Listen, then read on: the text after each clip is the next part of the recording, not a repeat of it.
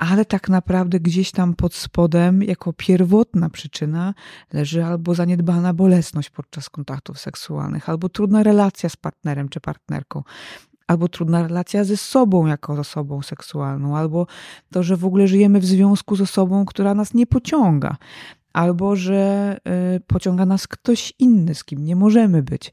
I ona otrzymuje leki przeciwdepresyjne, ale mówi, pani doktor, no ten ostatnim obszarem, który depresji, którego depresja jeszcze mi nie zabrała, jest seks proszę mi tego nie zabierać lekami. Czyli, że rzeczywiście alkohol robi coś takiego z naszym mózgiem na różnych poziomach i z różnych powodów, że stajemy się coraz że stajemy się po jego wypiciu bardziej otwarci na bodźce, które mogą obiecywać jakąś seksualną przyjemność, czyli mogą mm, dawać jakieś takie poczucie, czy łatwiej nam interpretować bodźce jako zachęcające i o pod takim podtekście erotycznym, że z, większym, y, z większą łatwością będziemy nadawać podtekst seksualny nawet neutralnym wypowiedziom. Bo pornografia jest ciekawym zjawiskiem. Y, zjawiskiem takim, które nie jest jednoznaczne. I ja wiem, że w tej chwili dużo się mówi o tym, że to jest szkodliwe, że trzeba uważać, że to dużo negatywnych efektów może przynieść, ale to też nie do końca jest prawda. Znam osoby, które, y, które no, mówiąc wprost, y, podniecają się głównie przy treściach pornograficznych.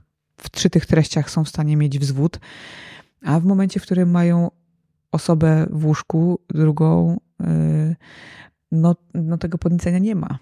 Tylko no, gdzieś jakoś usiłują przetrwać ten kontakt seksualny w jakiś sposób, a potem szybko iść i na przykład obejrzeć jakiś film. Podcast charyzmatyczny. Psychologia w codziennym życiu. Prowadzi psycholog Dawid Strasza. Dzień dobry, dobry wieczór. Moim Państwa gościem jest Aleksandra Krasowska. Cześć. Cześć. Dzień e, dobry. Aleksandra Krasowska, doktor nauk medycznych, psychiatra, seksuolog, e, wykładowca. I chciałem z Tobą dzisiaj porozmawiać o takim temacie związanym z trochę zaglądnięciem do gabinetu seksuologicznego. E, z jednej strony, żebyśmy porozmawiali o tym, z czym borykają się w kontekstach seksualnych Polacy i mm, co można z tym zrobić, jeżeli obserwowalibyśmy pewne nieprawidłowości u siebie. No i też może zachęcić ludzi do tego, żeby i oswoić ich z tematem, czym właściwie seksuolog, e, taki lekarz e, się zajmuje, a może też ten, który zajmuje się psychoterap- psychoterapią. Mhm. I Chciałbym zacząć od takiego pytania, że mam wrażenie, że żyjemy w czasach, w których jest dużo bodźców, jest dużo łatwej, e, łatwo dostępnej pornografii. Czy te czynniki wpływają na to, że my jako Polacy, jako populacja uprawiamy po prostu mniej seksu? To jest pytanie, które ma dużo warstw. Uh mhm. -huh nie? bo tak naprawdę powinniśmy w ogóle zacząć od tego, czy rzeczywiście jako populacja, w sensie jako populacja tego regionu, tego kraju, uprawiamy mniej seksu niż kiedyś wcześniej i z kolei co na to wpływa ewentualnie, nie? Mhm. czy pornografia może na to wpływać. I tutaj yy, tak, statystyki rzeczywiście pokazują, takie statystyki populacyjne robione e, cyklicznie, pokazują, że to życie seksualne zajmuje coraz mniejszą część naszego życia codziennego. E, coraz rzadziej w tygodniu uprawiamy seks. Coraz mniej tego seksu pojawia się też godzinowo, czasowo, w momencie, kiedy już się na niego decydujemy, to jest on coraz krótszy. Mhm. Więc zarówno jest coraz rzadziej, e, jak i coraz krócej. I teraz możemy się oczywiście zastanawiać, z jakiego powodu to, to się, e, z czego to wynika, z jakiego powodu tak się dzieje, czy to są duże różnice. Wiesz, to na, na przestrzeni powiedzmy badań z dwóch lat, 2020, 2022 e, statystyki, bo tych z 2023 roku jeszcze nie widziałam to w takich badaniach krajowych, jeżeli chodzi ankietowych o jakość życia seksualnego, to tutaj to jest różnica kilku procent. E, czyli powiedzmy, że e, gdzieś w, dwa, w okresie mniej więcej 2020 e, procent ankietowanych, która zgłaszała w badaniu, że uprawia seks kilka razy w tygodniu, to była tam około 13-14%. Przepraszam, 16, 16% czy 17%. W tej chwili jest to właśnie około 14%. Więc no możemy się zastanawiać, czy to jest duża zmiana, czy te kilka procent to jest rzeczywiście coś, czym powinniśmy się martwić i z czego to wynika. Mhm. Ale y, to, to, nie jest też tak, że w ciągu ostatnich kilku lat obserwujemy jakąś zapaść, jeżeli chodzi o jakość życia seksualnego w Polsce. Więc na takie, na takie tezy bym się zdecydowanie nie zdecydowała. Ale też musimy pamiętać, że ostatnie lata były dla nas trudne. Dużo się wydarzyło. Był okres pandemii, był okres wychodzenia z pandemii, e, kryzys gospodarczy, e, duża niepewność. Myślę, że to też e, w znacznym stopniu wpływa na jakość życia seksualnego, taka stabilność naszego codziennego życia, stabilność naszego funkcjonowania, to jak my się czujemy ze sobą, to czy mamy w sobie tę przestrzeń, żeby y, właśnie zagospodarować ją seksem mhm. Y, i gdzieś y, w to życie seksualne się zagłębić, bo jeśli nasza codzienność, stabilność jest zachwiana, jeżeli nie mamy tej stabilności, chociażby ekonomiczno-finansowo-mieszkaniowej, no to trudno Czyli to jest taka ostatnia rzecz, o której wtedy myślimy. Znaczy, pewnie zależy od y, człowieka. Są osoby, które poprzez seks właśnie usiłują złapa złapać tę równowagę. Czyli nie tak, że osoba potrzebuje być w równowadze, żeby uprawiać seks. Tak większość z nas ma. Y, czyli musimy mieć w miarę wyrównany nastrój, przynajmniej względnie się dobrze czuć, jakoś nie mieć zbyt dużego poziomu napięcia, ale są też osoby takie, które regulują sobie napięcie poprzez aktywność seksualną. Czyli na przykład właśnie wtedy, kiedy mają wysoki poziom niepokoju, mhm. dużo niedobrych rzeczy, trudnych rzeczy się dzieje w ich życiu, to wtedy częściej, chętniej, mocniej angażują się w aktywność seksualną. Także pewnie nie da się tutaj znowu zrobić takiego uogólnienia uniwersalnego dla wszystkich w Polsce e, czy na świecie, ale rzeczywiście jest tak, że wtedy, kiedy jest nam nieźle w życiu, a przynajmniej w miarę stabilnie, e, w miarę bezpiecznie, wtedy do tego życia seksualnego chętniej zaglądamy. Mhm. Ja też myślę, że to do, dobrze odwzorowuje taką, e, takie powiedzenie, z którym często się spotykałem w momencie w, w pandemii, że ja nie wiem, czy ja chcę nawet sprowadzać dziecko na ten na świat, który tak wygląda. Mhm. I wiadomo, że jakby sam akt seksualny niekoniecznie musi się z tym wiązać, tak. ale to też mówi o nawet takiej ochocie do podchodzenia do tego, czyli patrzenie nawet tak perspektywicznie. Tak, y, i rzeczywiście no, ten czas pandemii to był y, no, jeden z takich trudniejszych momentów w ciągu ostatnich dziesiątek lat naszej historii i większych wyzwań, z którymi musieliśmy się jako populacja zmierzyć. E, to wpłynęło na nasze postawy, wpłynęło również na naszą seksualność, wpłynęło na naszą kondycję psychiczną, wpłynęło na nasze plany. To, co mówisz o tym, że wiele osób współcześnie zastanawia się, czy chce mieć dzieci, ponieważ świat wygląda jak wygląda, ponieważ są choroby, jest kryzys, jest za dużo ludzi na świecie, za mało wody, za pożywienia, zanieczyszczenie i tutaj mnóstwo tych takich y, y, czynników się wymienia, to że no, no, oczywiście wiemy, że są takie osoby. Ja szanuję taką decyzję i to każdy z nas powinien jakoś w sobie y, na pytanie o chęć posiadania dziecka odpowiadać.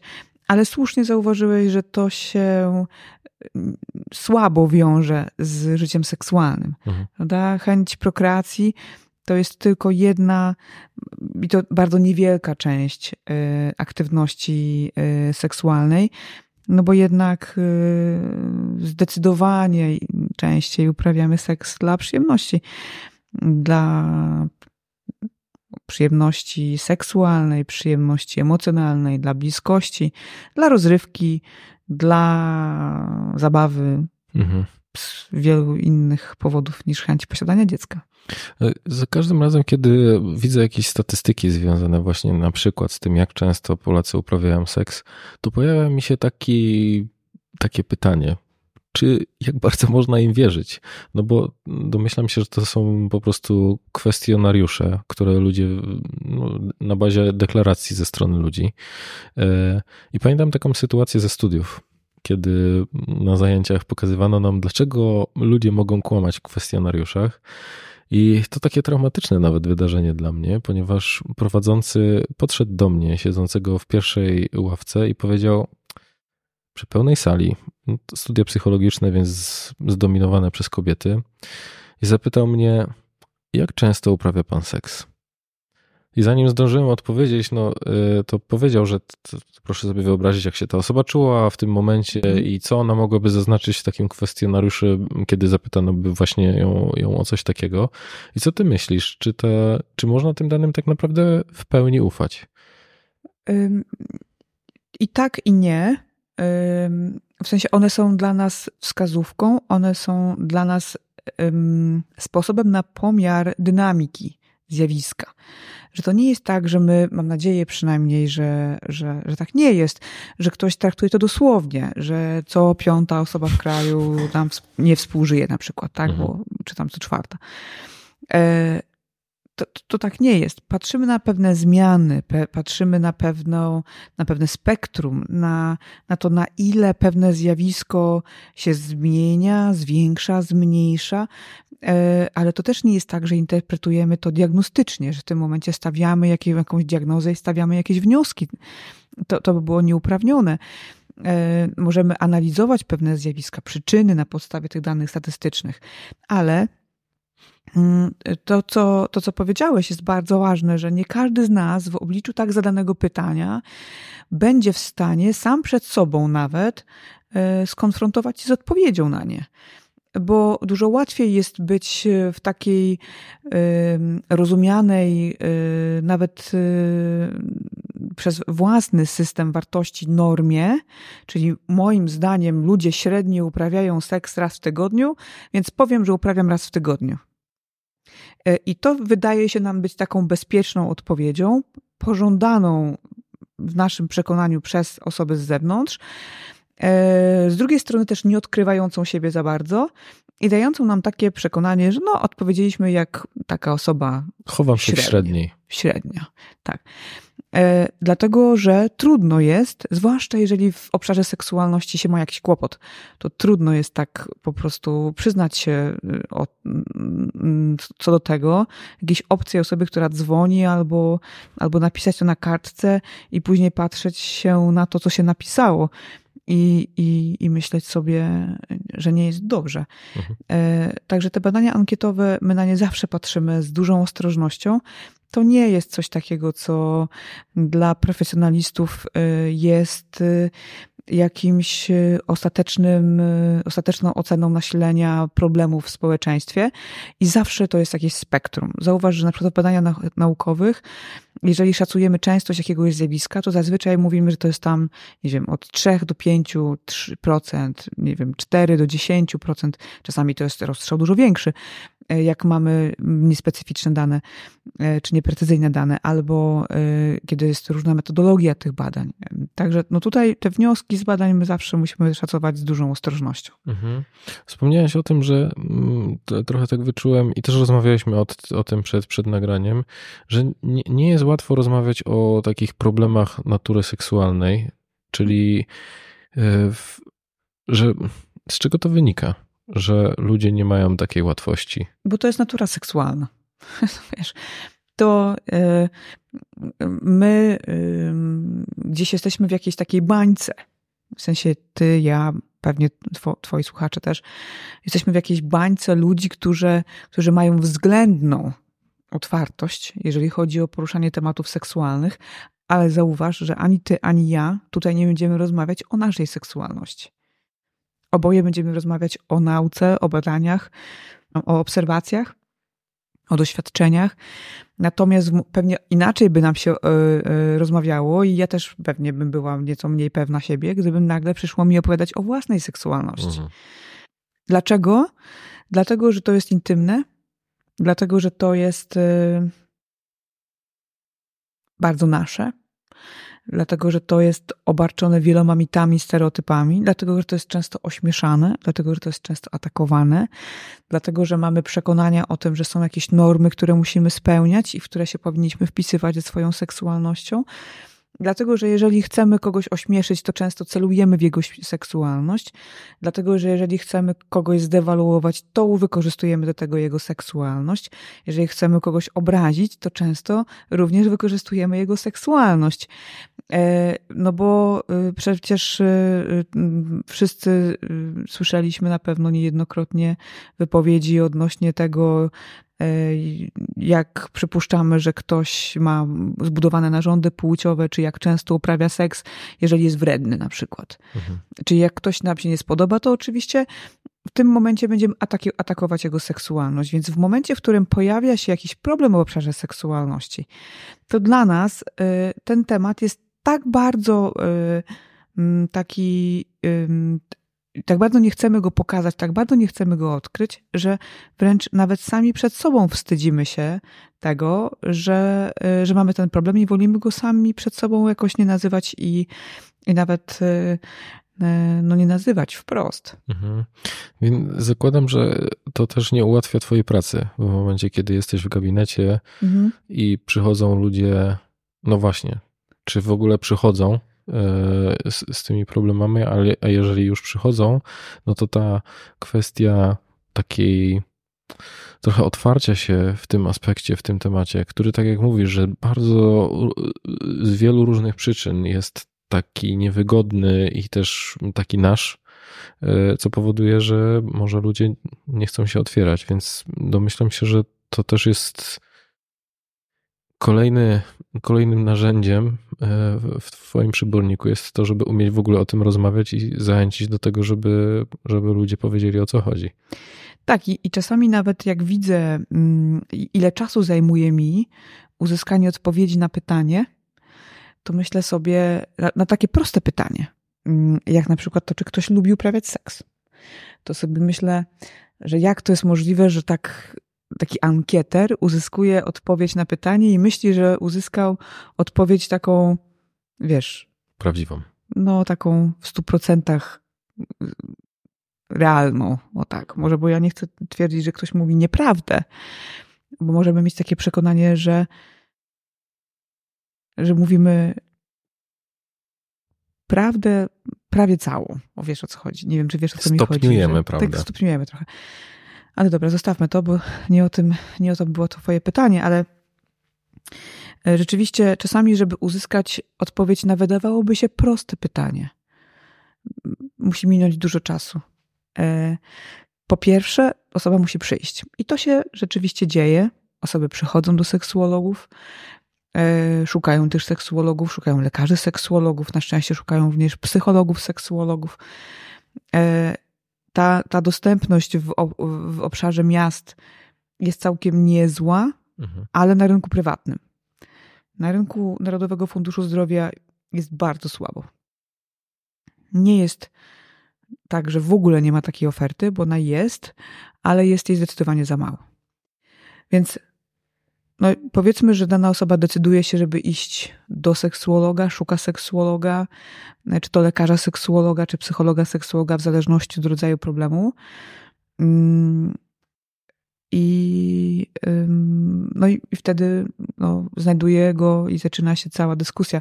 Ale wcześniej zazwyczaj jest już w jakimś stopniu nazwany problem albo przynajmniej ten taki pierwszy problem, który wrzucamy w momencie, w którym wchodzimy do gabinetu.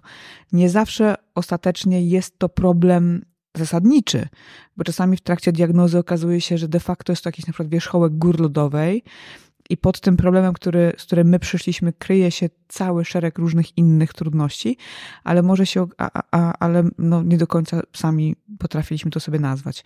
Czyli Czasami przychodzą ludzie i okazuje się, że to, co oni nazywają jako problem, jest trochę takim początkiem tego, tak. na, na, czym warto się skupić. No i z czym najczęściej trafiają do ciebie ludzie, do gabinetu? Bardzo dużo.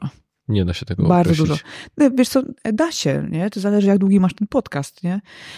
Ym, bo oczywiście by się dało. No pięć godzin jeszcze materiału do nagrania, więc wiesz, Zaczynam. to miejsce. E, nie, oczywiście e, to e, jest tak, że co człowiek to historia, Mhm. e, ale pewne problemy, pewne skargi, one powtarzają się najczęściej.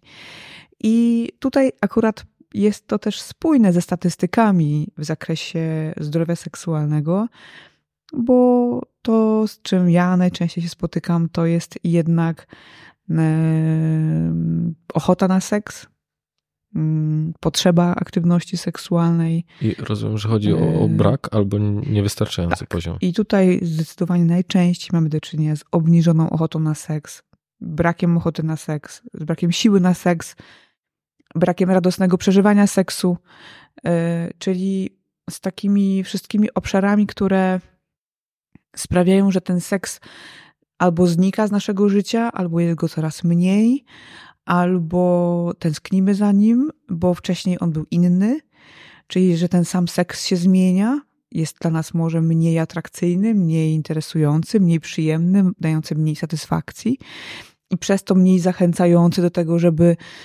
y, go uprawiać, inicjować, czy, czy, czy odpowiadać na zainicjowanie ze strony partnera czy partnerki.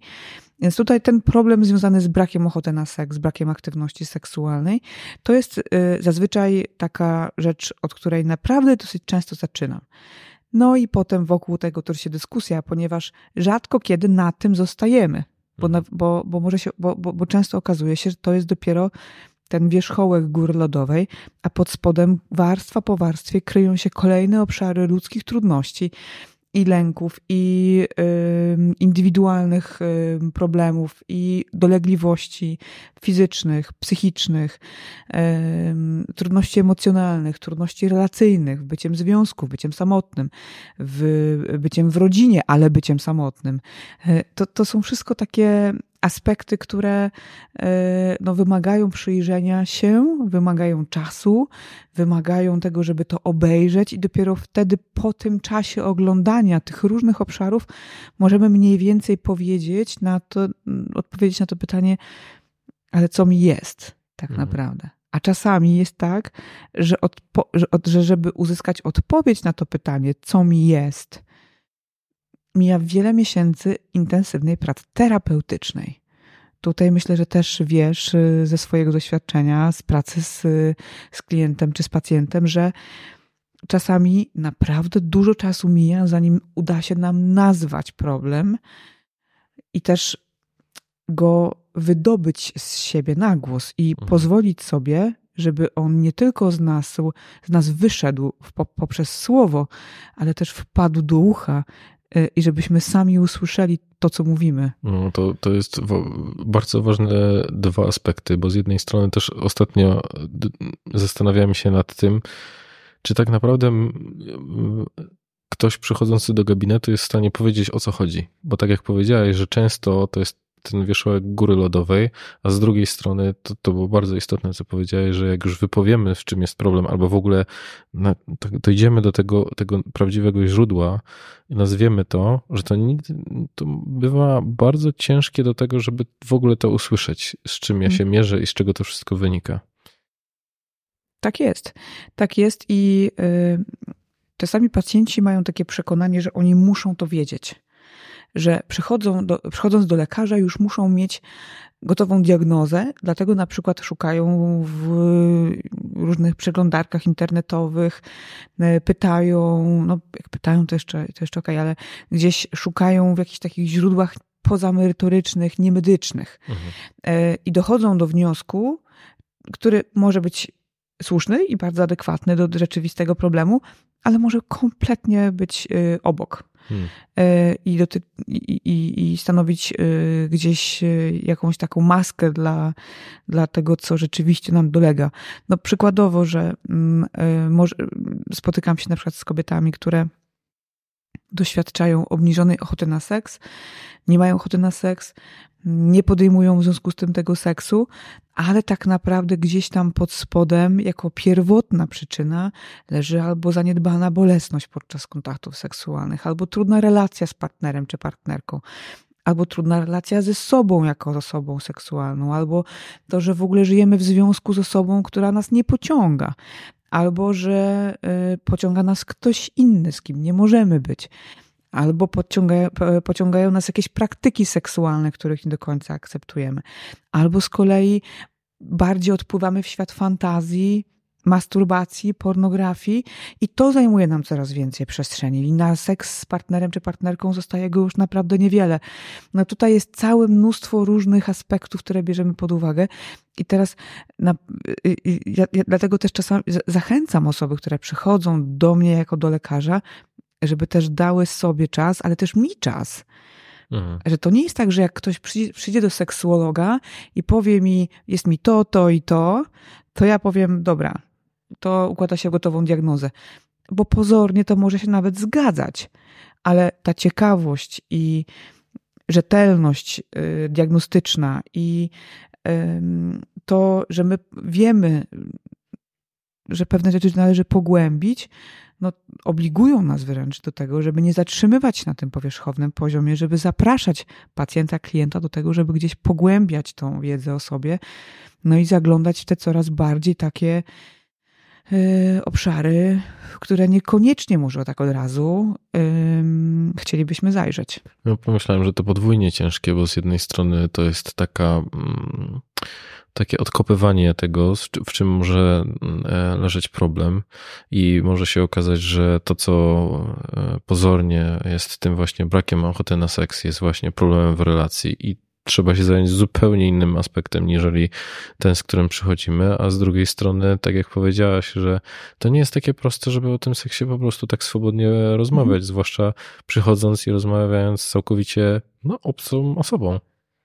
Ale oczywiście, że tak. I, yy, chociaż tutaj muszę przyznać, że rzeczywiście to się zmienia, bo jak zaczynałam jeszcze, powiedzmy, te parę lat temu, to, to miałam takie obserwacje, że jednak y, częściej tym rozmowom towarzyszyła taka niepewność, trochę wybadanie mnie, na mhm. ile ja mam jak gotowość, jak zareaguję, czy, takie, czy można o tym, czy może nie bardzo. Niby przyszli do seksuologa, ale tak w sumie trochę głupio. Yy, ale też widzę, jak z czasem e, coraz łatwiej te tematy pojawiają się w rozmowie, nawet w takim bardzo podstawowym wymiarze, na zasadzie pani doktor, czy te leki, które od pani dostaje, czy one będą wpływały na, na moją seksualność, bo mi na tym zależy. Bo na przykład mamy człowieka z depresją, osobę z depresją yy, i ona otrzymuje leki przeciwdepresyjne, ale mówi, pani doktor, no ten ostatnim obszarem, który depresji, którego depresja jeszcze mi nie zabrała, jest seks. Proszę mi tego nie zabierać lekami. Mhm. I to jest poruszające dla mnie bardzo. I ja oczywiście staram się tak robić. Nie zawsze to się udaje, nie zawsze to jest możliwe, ale Y, bardzo mnie cieszy, jak taka, taka informacja do mnie trafia, bo wtedy mam takie poczucie, że rzeczywiście jest jakiś taki cenny obszar tej seksualności, który, który chcemy chronić i żeby w tym leczeniu przeciwdepresyjnym, no właśnie go pacjentowi nie zabrać. A leki przeciwdepresyjne mają to do siebie, że efektem ubocznym jest obniżenie chęci na seks. Tak jest. I ja wiem, że w mediach y, różnych, w prasie, takiej mniej lub bardziej naukowej, pojawiają się takie nawoływania, jeśli chorujesz na depresję, nic się nie martw, można ci zawsze dobrać tak leki, że to będzie bezpieczne dla seksualności. Mamy teraz już takie super nowoczesne leki, że one nie tylko nie, nie, nie pogorszą życia seksualnego, ale wręcz jeszcze te orgazmy będą lepsze, jeszcze bardziej się będzie chciało uprawiać seks. I ja też wiele razy widziałam takie, takie nawoływania Gdzie? w mediach społecznościowych. Rzadko kiedy je komentuję, y, bo też nie mam mhm. na to ani przestrzeni, ani, ani czasu. No po prostu no. rzadko kiedy je komentuję. E, ale to jest jednak wprowadzanie w błąd, mm, bo my, się, my sobie musimy zdawać sprawę, że mimo tego, że ta wiedza idzie do przodu. My coraz lepiej leczymy depresję, coraz bardziej precyzyjnie umiemy ją leczyć. Nie wszystko jeszcze wiemy i jeszcze dużo czasu upłynie, zanim będziemy wiedzieć dokładnie, na czym w ogóle polega mechanizm zaburzeń nastroju, zaburzeń depresyjnych, czy w ogóle chorób psychicznych. Mało tego, jeszcze dużo czasu upłynie, zanim my się dowiemy, w jaki sposób dokładnie i precyzyjnie modyfikować tę, tę aktywność naszego środkowego kładu nerwowego, żeby zmieniać, żeby, żeby, żeby wyrównywać nastrój chociażby, jeżeli mhm. chodzi o depresję, czy redukować lęk, jeżeli mamy do czynienia z zaburzeniami lękowymi. I teraz, jeżeli jakiś lek ma działanie przeciwdepresyjne, czyli co do zasady on będzie wpływał na aktywność układu serotoninergicznego w ten czy inny sposób, ale najczęściej leki, które my współcześnie stosujemy, wpływają na aktywność układu serotoninergicznego w ten sposób, że hamują wychwyt zwrotny serotoniny. Ja już tutaj nie będę może wchodziła w jakiś bardzo mocno neurobiologiczny mechanizm działania, przynajmniej ten, który do tej pory opisano, mhm. e, działania tych leków. E, ale efektem takiego nasilenia, nazwijmy to w cudzysłowie, przekaźnictwa serotoninergicznego, będzie również y, osłabienie mm, reakcji seksualnej. Mhm. Do tej pory tak to, y, tak to działa, tak to rozumiemy, tak wiemy. Ja oczywiście tu zrobię zastrzeżenie, że to jest taki mechanizm, który też bywa kwestionowany, który bywa też podważany, mechanizm, jeżeli chodzi o mechanizm działania tych leków.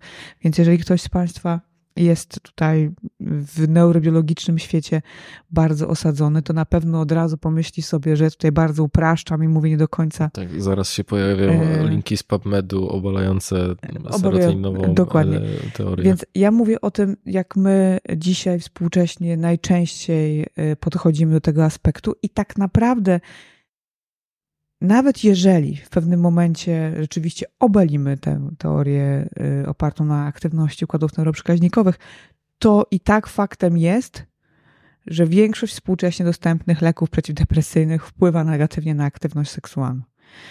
I w jakimkolwiek by to nie było mechanizmie. Y, I jest tylko kilka preparatów, które mamy i które też nie zawsze możemy zastosować w przypadku których ten negatywny wpływ na e, aktywność seksualną jest mniejszy. E, albo to ryzyko jest istotnie mniejsze. Ale to nie oznacza, że nie istnieje w ogóle. Mało tego, może się okazać, że ktoś może mieć przeciwwskazania do, stosowania akurat tych konkretnych preparatów, które uznaje się za bezpieczniejsze.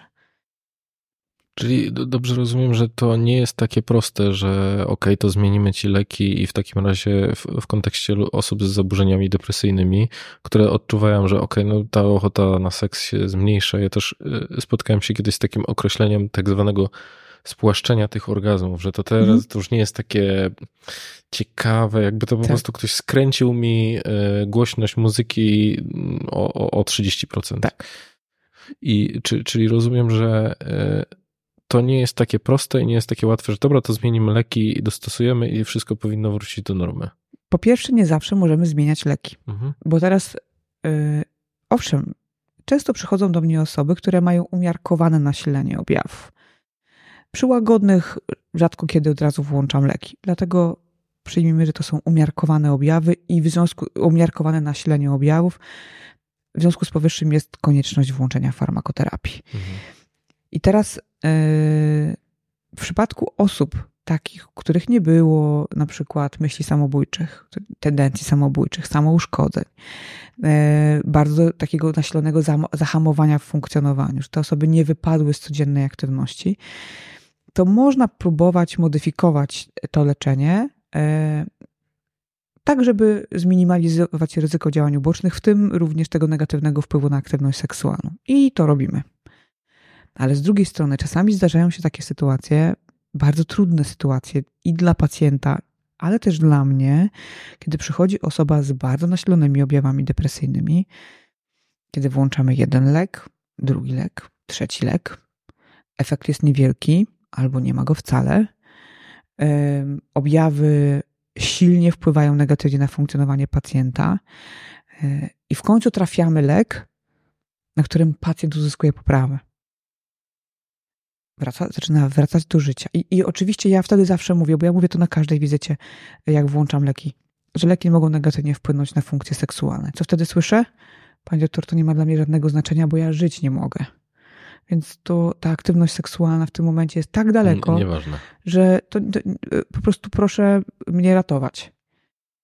I, I załóżmy, że po takich długich staraniach, czasami nawet wielotygodniowych, wielomiesięcznych staraniach, udaje się uzyskać stabilizację stanu, stanu psychicznego, no i też pojawia się poprawia nastroju, poprawa napędu, lepiej śpimy, lepiej się czujemy, wracamy do pracy, wracamy do aktywności, chcemy wrócić do seksu.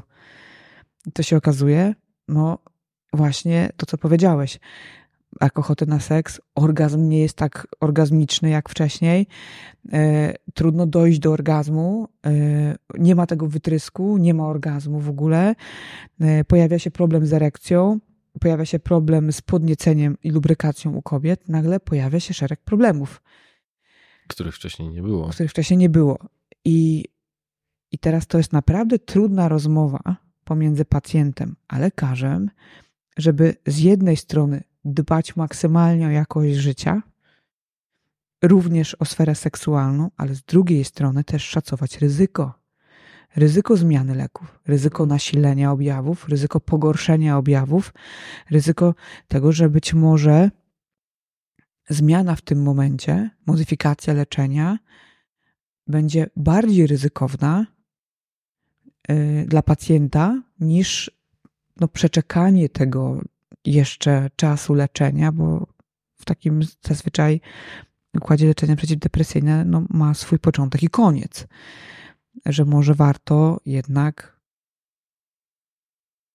w dużym oczywiście poczuciu straty często, ale no też y, przetrwać ten mhm. czas w zrozumieniu, że tak na tych lekach po prostu jest. No już pomyślałem, że często w kontekście tego, co powiedziałeś, że nastrój się polepsza, wszystko się polepsza, oprócz właśnie tej sfery seksualnej, to może odstawię leki. Mhm. Bo skoro no tak. jest już tak dobrze, to chyba sobie dam radę. No niestety tak jest. Y, I czasami ludzie za taką, bo, bo to, że myśli się pojawia, to jeszcze, prawda, nie jest taki problem. To wręcz, Fantazja po prostu. Tak, Okej, okay. możemy o tym pogadać. Mhm. Gorzej, jeżeli y, za tą myślą idzie już konkretne działanie i rzeczywiście w mniej lub bardziej impulsywny sposób leki się odstawia. To jest bardzo ryzykowne. Bardzo mhm. przed tym przestrzegam. Ja zawsze mówię też y, pacjentom, że jeżeli już ktoś z jakiegoś powodu podejmie decyzję o zaprzestaniu leczenia, to niech nie odstawia tych leków sam. E, naprawdę nikt nie będzie zmuszał człowieka do tego, żeby przyjmował leki. No, w psychiatrii jest, są bardzo wyjątkowe sytuacje, kiedy możemy coś takiego zrobić, ale zakładamy, że mamy do czynienia z pacjentem, który świadomie, dobrowolnie rezygnuje z leczenia przeciwdepresyjnego i może to zrobić. W związku z powyższym lekarz powinien nad, nad tym też czuwać. Mimo tego, że zapewne się nie zgodzi i powie, znaczy nie zgodzi, w sensie odradzi taki ruch, to jednak powinien powiedzieć, w jaki sposób zrobić to bezpiecznie, nawet jeżeli z samym odstawieniem się nie zgadza. Mhm. Mówiliśmy tutaj o kwestii obniżenia takiego tej chęci na, na, na seks, czyli yy, też o, o, o, wpływie zaburzeń depresyjnych na, na, na, ten obszar. Z czym jeszcze ludzie przychodzą do gabinetu? Jeśli chodzi o takie pogranicze psychiatrii i seksuologii? Mhm, dokładnie. Lęk to jest absolutnie pewnie top dwa, czyli nastrój i lęk. Ciekawe. Jeśli no. chodzi o związek z tą pogranicze psychiatrii i seksualności, bo lęk negatywnie wpływa na funkcje seksualne. I też osoby, które mają wysoki poziom lęku, doświadczają z dużo większym prawdopodobieństwem niż osoby bez podwyższonego poziomu lęku, bez zaburzeń lękowych, mm, różnych problemów w sferze seksualnej. Do tego stopnia, że czasami nawet uważa się, że problemy w sferze seksualnej mieszczą się w obrazie klinicznym zaburzeń lękowych czy zaburzeń nastroju. W sensie, że można to rozpatrywać jako tak, taka e, element diagnostyczny? W sensie, że jeżeli mamy do czynienia z pacjentem z wysokim poziomem lęku, to, to prawie że... na pewno Mamy do czynienia też z osobą, której życie seksualne w jakiś sposób przez to ucierpiało. I jeżeli słuchają nas teraz terapeuci, a pewnie tak jest, bo na pewno masz ich swoich słuchaczy, to, to to jest taka rzecz, którą też często mówię na wykładach, że zobaczcie, pomyślcie sobie teraz w głowie, ilu macie pacjentów z lękiem, ilu macie z depresją. A okazuje się, że na pewno ponad połowa z tych osób ma jakąś formę zaburzenia seksualnego, nawet czasami więcej, bo są nawet dane, które mówią, że nawet do 80% osób z zaburzeniami lękowymi i zaburzeniami nastroju doświadcza jakiejś formy problemu seksualnego, jakiejś formy zaburzenia seksualnego. Nie zawsze to musi osiągać nasilenie zaburzenia seksualnego, które kategoryzujemy, prawda, jako tam itd. coś tam, jakiś numerek statystyczny, ale że te problemy, zaburzenia seksualne, zaburzenia destroju, zaburzenia lękowe, one w jakiś sposób na życie seksualne naszego pacjenta wpływają.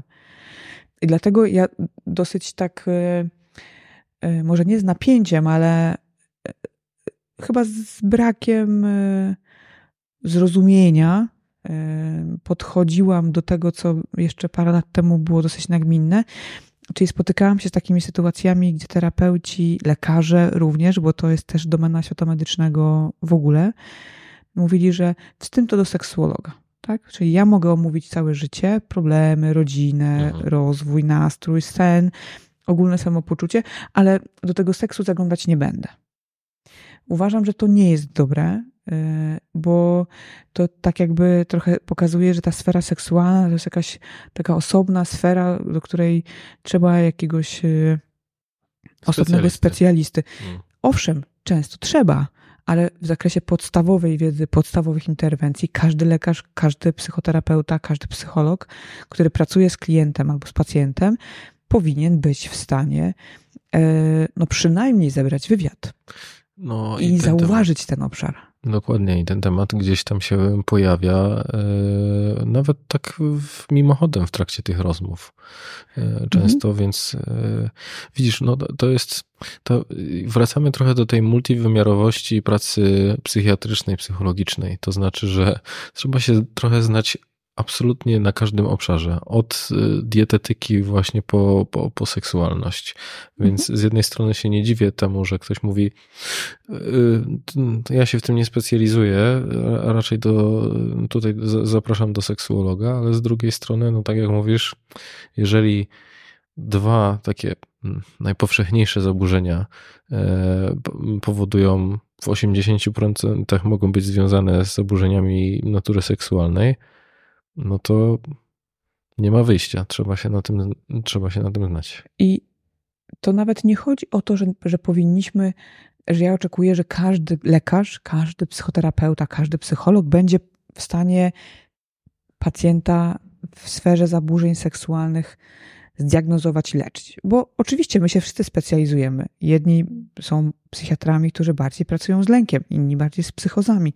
Psychoterapeuci są tacy, którzy pracują bardziej z zaburzeniami osobowości, inni zaburzenia odżywiania, jeszcze inni z traumą. My też się specjalizujemy w pewnych obszarach, jeszcze inni w seksualności i super.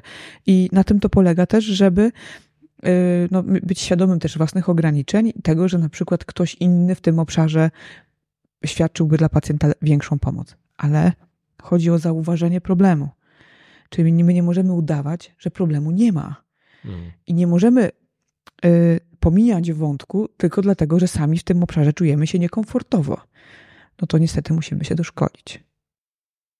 I dlatego y, ja zawsze z taką dużą, z dużym szacunkiem podchodzę do terapeutów i do lekarzy in, y, różnych specjalności, którzy przekierowują do mnie, jako do seksuologa, do seksuolożki, ale też do innych znajomych, pacjenta na zasadzie, że jest podejrzenie czegoś, to jest omówione, gdzieś sporo jest ponazywane, Pacjent sam mówi, że o, to było o tym, o tym było dużo rozmowy, były próby, próby poszukiwania jakiegoś uwarunkowania, a do lekarza przychodzi po to, żeby rzeczywiście jakoś no, uzyskać diagnozę, e, ewentualnie leki, e, ale temat jest opracowywany jednocześnie w psychoterapii, w której pacjent jest. Mhm. Uważam, że tak to powinno wyglądać.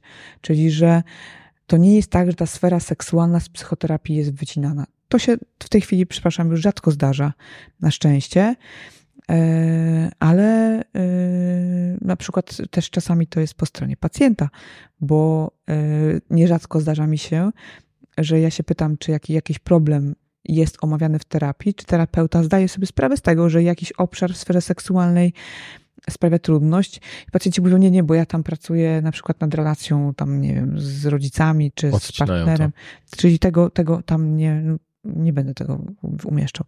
I też czasami to też wymaga pracy i czasu, zanim rzeczywiście pacjent zdecyduje się poruszyć w terapii taki temat. Mhm. No, w, w, jeżeli wyszli, jeśli wyszlibyśmy poza ten, ten konstrukt związany z, z tym przecięciem, to znaczy, że odstawiając trochę na bok właśnie zaburzenia e, depresyjne, lękowe, to z czym mają problemy mężczyźni? Kiedyś spotkałem się z takim żartobliwym określeniem, że mężczyzna trafia do lekarza w momencie, kiedy ma zaburzenia zwodu, y, kontuzję, która uniemożliwia mu poruszanie się, albo łysieje. Mhm. Y, I y, proszę to traktować jako żart, nie, nie, nie jako przytyk, ale też chciałem zapytać Ciebie, czy, czy jest w tym jakakolwiek prawda? Mogę się wypowiedzieć tylko, jeżeli chodzi o ten pierwszy przyczyn. Tak, o to właśnie o, o, to, o to pytam. O problemy z erekcją. Przychodzą mężczyźni, którzy mają problemy z erekcją i całe szczęście. Mhm. Martwi mnie tylko to, że przychodzą dosyć późno. Dlatego, że najpierw y, szukają y, gdzieś tam porad w internecie, potem w aptece y, różnymi preparatami dostępnymi bez recepty. Bardzo to odradzam. Bo opóźnia to rzeczywiście diagnostykę.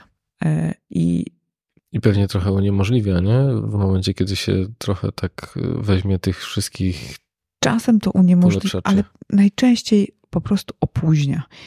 I teraz wyobraź sobie mm, taką osobę, to jest y, trochę będzie y, zmian, pozmieniane będą dane, żeby nikt y, nie, tutaj nie rozpoznał swojej historii w tym, mm, tak dosłownie, ale przyszedł do mnie na wizytę mężczyzna z dusznością.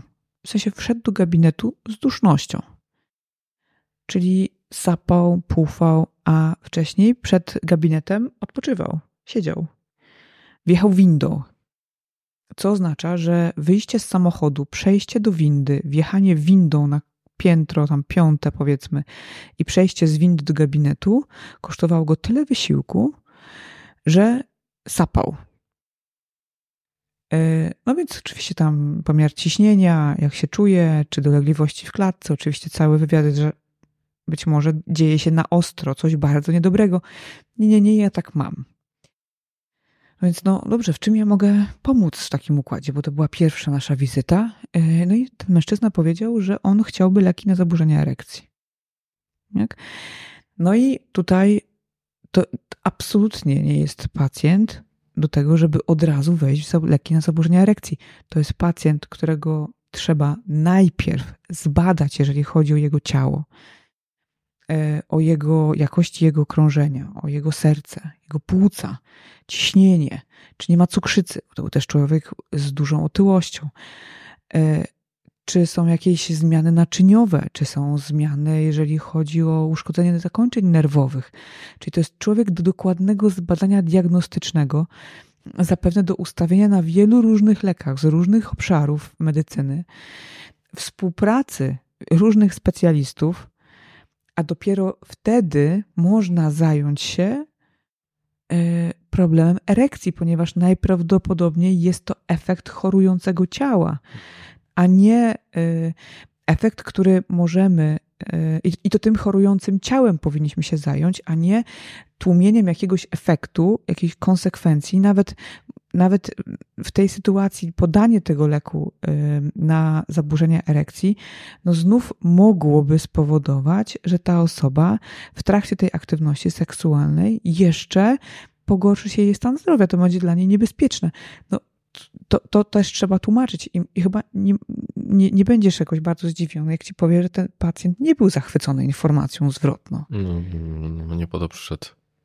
I teraz ja rozumiem, że, y, że, że no, oczekiwania mogą być różne, ale dlatego tak bardzo mnie martwi dostępność preparatów tego typu bez recepty, dlatego że taka osoba może pójść i sięgnąć po takie preparaty i przez to opóźnić na przykład pójście do kardiologa, pójście do diabetologa, zadbanie o dietę, zadbanie o ruch, yy, yy, zrobienie sobie EKG chociażby, mhm. czy jakichś parametrów, podstawowych parametrów, jeżeli chodzi o morfologię i biochemię.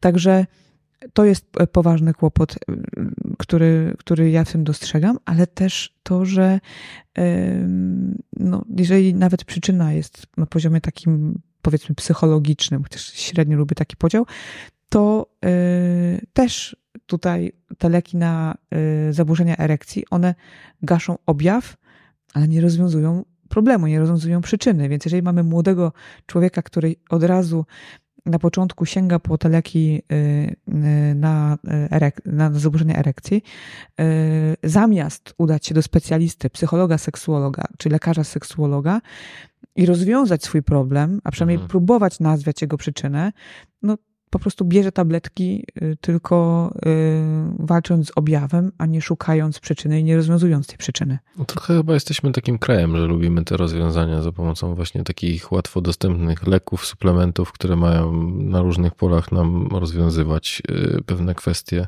Ja tak jak obserwuję nawet kwestie związane z tym, że wiesz, wchodzisz do żabki i masz gumę do rzucia przy kasie i tabletki przeciwbólowe, przeciwgorączkowe mm. z taką dostępnością, że dostaniesz to w każdym możliwym miejscu, więc nawet nie wiem, czy takie leki na erekcję też, czy tam, nie wiem, czy to są Mam leki, nadzieję, czy... nie są w żabce. Sprawdzimy to potem. E, ale popatrz, że trochę jak opowiadałeś tą historię, to pomyślałem o tym, e, że to ta historia, która dobrze obrazuje że, że pewne zaburzenia ze sfery seksualnej są, są to, z czym przychodzimy, jest wierzchołkiem góry lodowej i pojawiło mi się to pytanie, czy chociażby te zaburzenia erekcji nie są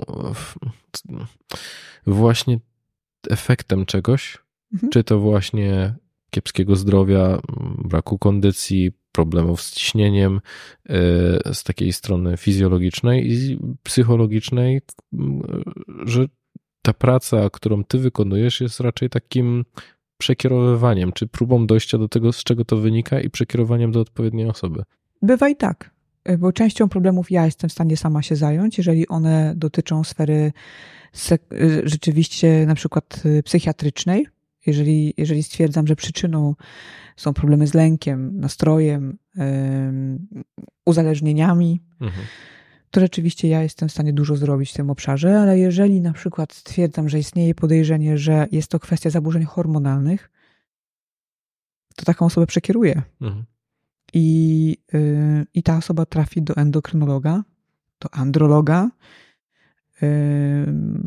czasami do kardiologa, jeżeli będę miała podejrzenie, że jest to kwestia e, właśnie zaburzeń w sferze układu krążenia, do pulmonologa, jeżeli jest to być może kwestia związana z układem oddechowym.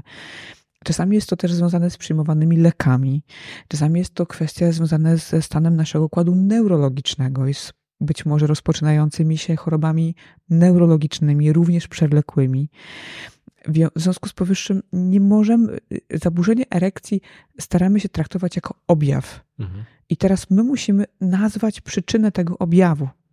Musimy wyjaśnić, z czego ona wynika, i dopiero wtedy możemy wdrożyć leczenie, a nie odwrotnie. Bo jeżeli będziemy gasić objaw lekami doraźnymi, to on będzie sobie trwał, a problem, który być może za nim się kryje, będzie tylko się nasilał.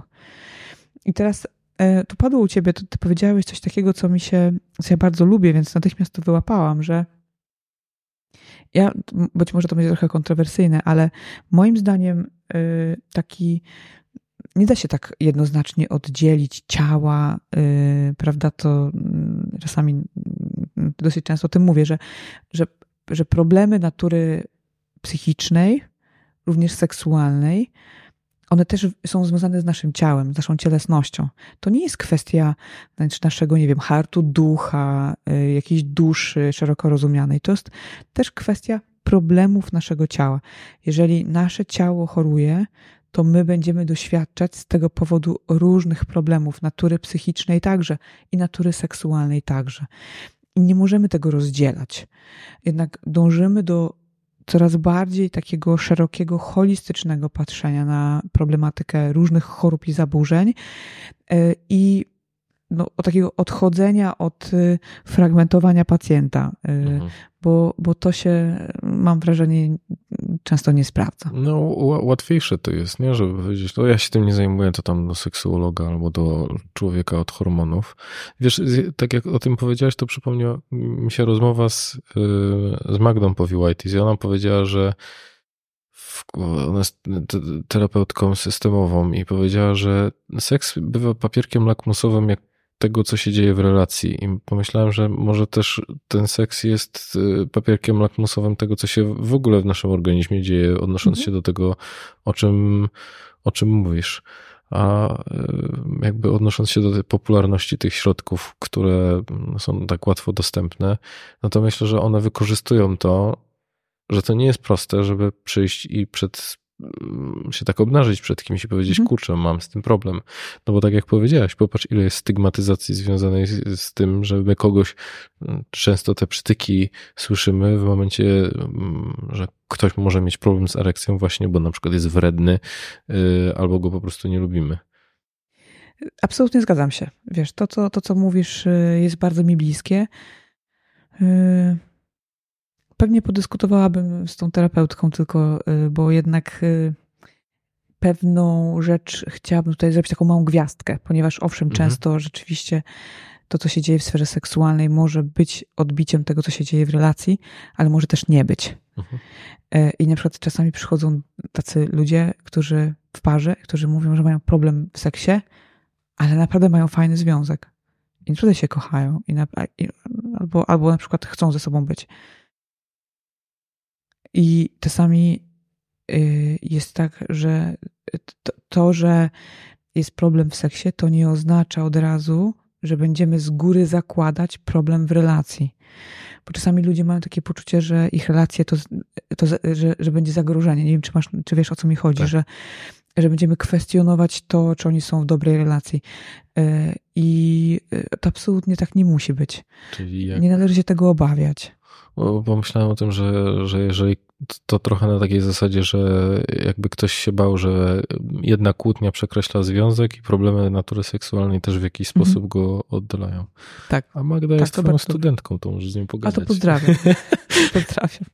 No. Y, też pamiętam y, z Twoich wykładów, że leki na ciśnienie bodajże w 40% wywołują problemy z erekcją. Znów to jest pewne uproszczenie. Y, że warto bo... zwrócić uwagę, że jeżeli, tak będąc profesjonalnie precyzyjnym, warto zwrócić uwagę, że osoby przejmujące takie leki mogą doświadczać problemów. Tak. I, I przepraszam, że ja tak tutaj na to zwracam uwagę, ale ja po prostu wiem, jak ludzie się potem tego boją strasznie. Mhm. E, że, e, że po pierwsze to, że dostajemy lek, to nie oznacza, że on spowoduje zaburzenia erekcji. Jest pewne prawdopodobieństwo, jest nawet czasami dosyć wysokie ryzyko, że tak się stanie, ale to nie oznacza, że tak się stanie na pewno. To jest pierwsza rzecz, którą trzeba też gwoli uczciwości pacjentowi powiedzieć, że tak się może zdarzyć, ale nie musi. Że to nie jest tak, że on jest, decydując na leczenie nadciśnienia, skazany na to, żeby źle funkcjonować w seksie. Tak może się zdarzyć. Mamy pewne preparaty, które możemy Y, próbować wykorzystywać, bo są bezpieczniejsze niż inne. Y, I tak to, to leczenie próbować ustawić, żeby rzeczywiście ta jakość życia seksualnego była na, na jak najwyższym poziomie. Ale znów, my jesteśmy takim społeczeństwem, które często zwraca uwagę na deficyt, a nie na to, co ma. Również w sferze seksualnej. Czyli my patrzymy na swoje życie seksualne przez pryzmat czego, czego w nim nie ma, zamiast tego, co w nim jest. Bo na życie, jak zaczynamy chorować, jak pojawia się choroba przewlekła, rzeczywiście może ona w dosyć poważny sposób wpłynąć na, nasze, na naszą aktywność seksualną. I teraz mamy, no, może nie dwie opcje, ale tak akademicko sobie to podzielmy. Możemy się zastanowić nad tym i możemy żyć w przekonaniu, jak, i, i patrząc na to, jak dużo ta choroba nam zabrała, ale możemy też żyć patrząc na to, ile jeszcze mamy radości z tego życia seksualnego. I nawet jeżeli jakość erekcji już nie będzie taka jak kiedyś, yy, łatwość uzyskania orgazmu już nie będzie taka jak kiedyś, objętość ejakulatu, bo to czasami też jest zmartwienie dla części mężczyzn, nie jest taka jak kiedyś. Być może yy, intensywność orgazmu, czy to u kobiet, czy u mężczyzn, nie jest taka jak kiedyś. To jednak jest w tej sferze seksualnej jeszcze bardzo dużo rzeczy, o których możemy zadbać, które dają nam przyjemność, które dają nam e, satysfakcję i o to też warto, żebyśmy dbali. A czasami ta, taka, taki, taki pęd do tego, żeby było jak kiedyś, jak dawniej, jak sprzed choroby albo jak sprzed leków, które musimy brać, bo inaczej ta choroba nas po prostu pokona, to czasami patrz, porównując siebie z dzisiaj do siebie sprzed choroby, zyskujemy obraz bardzo niekorzystny, ale to jest porównanie bardzo niesprawiedliwe. Mhm. I takie, które może nam zrobić duże krzywdy. Dlatego to nie chodzi o to, że ja bagatelizuję, lekceważę albo nie uznaję za istotne próby na przykład modyfikacji leczenia. Nie, bo to jest bardzo ważny, bardzo ważna opcja, którą mamy. Ale jeżeli nie mamy możliwości zmiany leków, z jakiegoś powodu, bo na przykład stan pacjenta na to nie pozwala, to też ważne jest to, żebyśmy przez pryzmat jakiejś trudności nie unieważniali całej naszej seksualności. Myślę, że z jednej strony mówisz o, chorobach i chorobach przewlekłych, a z drugiej strony pomyślałem też o takim zwykłym starzeniu się że my się zmieniamy. I pamiętam, że jak rozmawiałem z Michałem Pozdałem, to on też zwracał uwagę na to, że mężczyźni trochę jakby mentalnie mm, wracają do, do, czasów, kiedy byli młodzi, e, czasami o 10-15 lat. I mówią, ja chciałbym jak, jak wtedy, czyli mając 40, mówię jak, jak ten dwudziestolatek, e, no a to już nie jest możliwe, żeby wrócić do tamtej sprawności. Ale ma to też swoje plusy, ponieważ my już mając lat 40 też mamy inne doświadczenia, inną wiedzę, inne umiejętności, jeżeli chodzi o życie seksualne. In, dysponujemy innym spektrum y, umiejętności, jeżeli chodzi o sztukę miłosną. I na to i o tym często zapominamy, y, bo może się okazać, że dla naprawdę jakości życia seksualnego, satysfakcji seksualnej obu stron, czy większej ilości stron, zależy ile osób bierze udział w akcie seksualnym, nie zawsze właśnie ta taka sprawność seksualna rozumiana jako długość, sztywność członka, wielkość jego, czy, czy to jak długo jest w stanie utrzymywać erekcję, będzie wykładnikiem, będzie przykładało się na satysfakcję z, tej, z, tego, z tego życia seksualnego. Może okazać się, że inne pieszczoty, innego rodzaju aktywność seksualna może tutaj wręcz wzmocnić te doświadczenia i pokazać nam, że możemy czerpać przyjemność seksualną na bardzo różne, po, y, na, z bardzo różnych stron, z bardzo różne, na bardzo różne sposoby.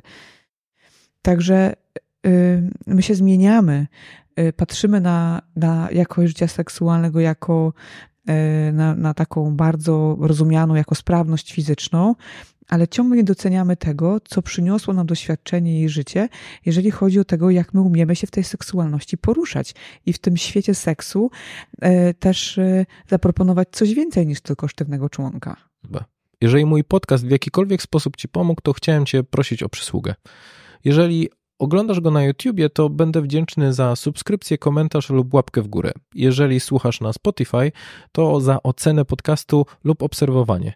Dla ciebie to dosłownie chwila, a mi pomoże docierać do coraz większej grupy osób i być może trafić do kogoś, kto akurat tego materiału potrzebuje oraz prężniej rozwijać ten projekt.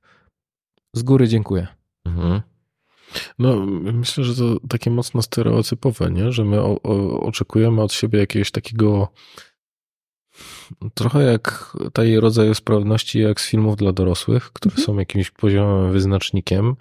E, no a w to nie ma wiele te, te filmy nie mają wiele wspólnego z rzeczywistością i z tego, jak to, jak to naprawdę wygląda, nie? Czyli, bo też mówisz o takim docenieniu tego trochę, co jest i w czym jesteśmy dobrzy, czyli żeby trochę nie szukać dziury w całym.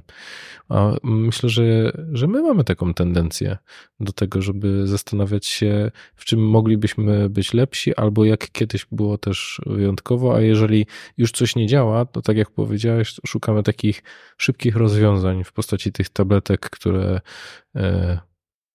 których reklam pojawia się całkiem sporo. A może się okazać, że tak naprawdę. Yy to nie o to chodzi. Nie o to chodzi w tym seksie, żeby mieć erekcję dłużej i mocniej. E, tylko być może e, tutaj warto zastanowić się nad tym, jak ja się czuję ze swoim zmieniającym się ciałem. Mhm. Że, że problem nie tkwi w samej sztywności członka, czy w tym, jak szybko dochodzę do orgazmu, czy ile tych orgazmów jestem w stanie mieć, tylko jak ja się czuję ze sobą w tym miejscu życia i w tym momencie i w tej relacji. E, I tak zrzucamy to na te problemy z erekcją, że jak gdybyśmy nie mieli problemów z erekcją, to byłoby super. To by było nam wspaniale w tym układzie, w tej relacji, w tym łóżku z własną seksualnością. Może się okazać, że tak wcale nie jest. Mhm. Że to nie jest tak, że na, ta erekcja staje się takim źródłem naszych niepowodzeń i różnych trudności życiowych. Że erekcja jest chłopcem do bicia w tym przypadku? Tak, myślę, że coś w tym jest takiego, że staje się takim, e, z takim, takim czymś, że jeżeli ten problem by się udało rozwiązać, to bym był, czy bym była dużo szczęśliwsza, bo to rozmawiamy o zaburzeniach erekcji, ale tak naprawdę można to przełożyć na każdą dysfunkcję seksualną. Mhm. E, pewnie do każdej będziemy podchodzić trochę inaczej. Nie na wszystkie są też takie tabletki magiczne, w cudzysłowie, które można kupić w aptece. E, dlatego też o, tej seksua- o tych zaburzeniach erekcji często mówimy, ale e, bo, bo akurat tutaj te tabletki są. Natomiast wspomniałeś taki ważny wątek, który chciałabym też króciutko skomentować, dotyczący pornografii. Pewnie rozmawiałeś z kimś na temat tego w swoich podcastach, ale to też jest taki duży, osobny wątek. Jeszcze nie, także. Do zagospodarowania jest, do zagospodarowania. do zagospodarowania. No to też rzeczywiście nie wyjdziemy stąd do, to przez godziny. Bo pornografia jest ciekawym zjawiskiem. E, zjawiskiem takim, które nie jest jednoznaczne. Mhm. I ja wiem, że w tej chwili dużo się mówi o tym, że to jest szkodliwe, że trzeba uważać, że to dużo negatywnych efektów może przynieść, ale to też nie do końca jest prawda. To, są, to jest po prostu bajka. To jest film, wyobrażenie, to jest bajka dla dorosłych. Barka, bajka o świecie dorosłych, przeznaczona dla osób dorosłych. Tutaj bardzo, poważnie, bardzo jednoznacznie chcę to podkreślić, że to jest o dorosłych i dla dorosłych. Mm, w której przedstawiona jest czyjaś wizja tego, co ludzie chcą zobaczyć w, seksie. Mhm. To jest scenariusz, tam są y, ludzie, którzy, tam jest cała ekipa, to nie jest realny seks, to jest bajka. I teraz, jeżeli y, my oglądamy pornografię, traktując ją jak instruktaż, film dokumentalny, y, źródło wiedzy, to to jest źródło dużych problemów. Mhm. Dlatego też jest takim kłopotem, e, jeżeli młodzi ludzie się do niej dobierają. Nie ma edukacji seksualnej, nikt im nie tłumaczy tego, że to, co widzą na tym filmie, to nie jest realne. Ani mężczyzna tak nie wygląda, ani kobieta tak nie wygląda, ani się tak nie zachowują, ani tak nie krzyczą, ani nikt nie jest w stanie pewnie, albo większość ludzi nie jest w stanie tak długo uprawiać seksu, nie każdy musi życzyć sobie tego, żeby ejakulacja odbywała się na twarz czy w różne inne obszary ciała. Nie każdy musi życzyć sobie seksu analnego, oralnego i yy, pochwowego jednocześnie czy w odpowiedniej konfiguracji. Nie każdy musi zgadzać się na dodatkowych partnerów, którzy się pojawiają, czy dodatkowe partnerki. Nie każdy musi chcieć używać gadżetów i tak można by było wymieniać i wymieniać. Nie każdy ma ochotę na seks w miejscu publicznym i nie każdy ma ochotę się przebierać. I teraz wszystko super, jeżeli mamy do czynienia z człowiekiem, który włącza sobie ten film po to, żeby, no nie wiem, się podniecić, rozerwać się trochę, bo akurat ma na to ochotę sam, czy z partnerem, czy z partnerką, nie ma, nie ma problemu.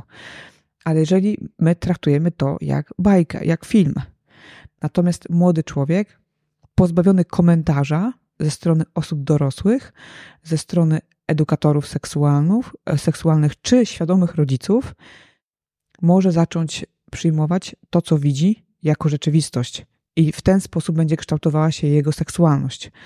I ja też widzę to teraz w gabinecie. Y, wśród ludzi, którzy przychodzą, których seksualność ukształtowała się na filmach porno. Y, oni nie oglądają może treści y, takich, których się zawsze najbardziej boimy, prawda? Czy z przemocą, czy zakazanych mhm. prawem, ale na przykład nagle potem pojawia się taki problem, jakim jest, i nawet nie oglądają tego na przykład zbyt często, w sensie oglądają to, nie wiem, raz, dwa, trzy razy w tygodniu. W sensie to nie jest tak, że wiele godzin w ciągu dnia regulują tym swoje napięcie, bo tego byśmy się pewnie obawiali. Najbardziej ze względu na to, że wtedy ta pornografia wykorzystywana jest jako sposób radzenia sobie ze złością, napięciem, smutkiem i tak dalej. Ale to zostawmy. Tylko załóżmy, oglądają pornografię. Ja mówię o takich młodych osobach, które mają lat 18, 20, 20 parę i które od właściwie okresu nastoletniego miały no, bezproblemowy dostęp do treści pornograficznych w internecie. W kieszeni był. Był w kieszeni, dokładnie, w telefonie. Przez nikogo nie, nie, jakoś nieweryfikowany, nieograniczany. I teraz te osoby wchodzą w życie dorosłe i też zaczynają żyć, yy, chcą rozpocząć życie seksualne z partnerem bądź partnerką. I nagle się okazuje, że ciało drugiego człowieka jakoś pachnie albo że ten człowiek wydaje z siebie jakieś dźwięki, jęki, yy, słowa, albo że ten człowiek jakoś patrzy, obserwuje, po prostu jest. Mhm. Yy, nagle okazuje się, że nasze ciało zaczyna reagować w inny sposób niż wtedy, kiedy siedzieliśmy przed komputerem, że nagle zaczynamy się pocić, zaczyna nam być, nie wiem, zaczyna, zaczyna się pojawiać suchość w jamie ustnej, że zaczynają się nam ręce trząść. Z różnych powodów, trochę z podniecenia, może trochę ze stresu, może trochę z niepokoju i nagle się okazuje, że to nie wygląda tak jak w filmach pornograficznych. Że to nie jest tak, że dany człowiek zdejmuje spodnie i natychmiast jest gotowy do odbycia stosunku seksualnego, albo że tak samo zareaguje kobieta. Że właściwie wystarczy jej zdjąć bieliznę i w tym momencie jest gotowa do penetracji i za chwilę będzie miała orgazm. Y, I że, i że do tego właściwie seks powinien się, się sprowadzać. I teraz, jeżeli, jeżeli na tym etapie wcześniejszych tych oglądania filmów nie ma korygującej informacji, że tak nie wygląda seks, to ten człowiek może się okazać, że wejdzie w życie dorosłe, takie intymne, z dużym, z dużą taką, z dużym problemem. E, I może się okazać, że ten problem będzie naprawdę trudno potem odwrócić. I co to za problem? W sensie z czym borykają się ci ludzie, którzy hmm. nie, nie, mają tego wyobrażenia? Znaczy, że mają pewne wyobrażenie, które nie, nie jest prawdziwe. Na przykład może mogą utknąć w takim świecie, to też zdarzyło mi się e, kilka razy obserwować, utknąć w takim świecie poszukiwania takiego właśnie świata porno w życiu codziennym. Czyli, że może być tak, że będą oczekiwali albo od swoich partnerów, bądź od partnerek, e, bo tutaj może być też układ kobieta, kobieta, mężczyzna, mężczyzna, albo kobieta, mężczyzna, mężczyzna, kobieta, prawda? Czyli nie zapominajmy w tych wszystkich o kobietach, bo często mówiąc o porno, mówimy głównie o facetach, a to dotyczy też kobiet. I teraz może się okazać, że taka osoba, niezależnie od płci, yy, utknie w takim świecie poszukiwania partnera, idealnego albo oczekiwania, że ta druga osoba będzie zachowywała się tak, jak w tych filmach porno widziała. Czyli, że doświadczy podobnej takiej, takiego podniecenia czy stymulacji jak przy oglądaniu. Tak, albo że będzie szukała takich, takich bodźców, dlatego że wydaje się jej, że na przykład jeżeli ktoś czegoś takiego nie lubi, to że jest słaby w łóżku. Mhm, okay. Albo jest słaby, słabym partnerem, albo sobą osobą na partnerkę. Nie kocha mnie bo jest mało otwarta albo mało otwarty. Mhm. Tak? I teraz, okej, okay, powinniśmy dobierać się w, w, również w aspekcie swoich potrzeb czy oczekiwań seksualnych, ale no, też musimy zdawać sobie sprawę z tego, że nie każdy musi mieć ochotę na wszystko i zwłaszcza treści, które są y, oglądane w pornografii. Może być tak, że po prostu dana osoba nie ma na to ochoty i to nie jest powód do tego, żeby w jak, jakiś sposób tę osobę oceniać, lekceważyć, a już na pewno nie przymuszać, czy nie wymuszać. Nawet nie, nie mam na myśli przemocy, ale takim szantażem emocjonalnym, yy, trochę takim wzbudzaniem poczucia winy, porównywaniem do, do innych osób. Yy, znam osoby, które, yy, które no, mówiąc wprost, y, podniecają się głównie przy treściach pornograficznych.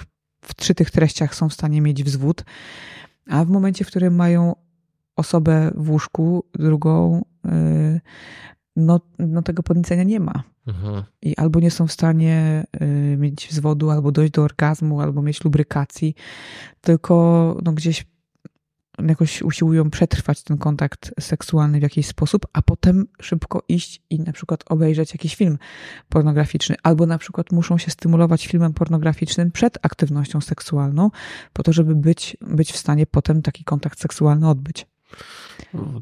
Też pomyślałem, że filmy pornograficzne to jest też zupełnie inny wymiar stymulacji. To znaczy, że tam dużo się dzieje, co można zaobserwować, a w momencie takiego zbliżenia, no to ten zmysł wzroku często jest takim, powiedzmy, że może nie upośledzonym, ale gdzieś na, na tylnym planie zostaje. Często światło jest wyłączone, niezbyt dużo widać, a tu jest zupełnie co innego.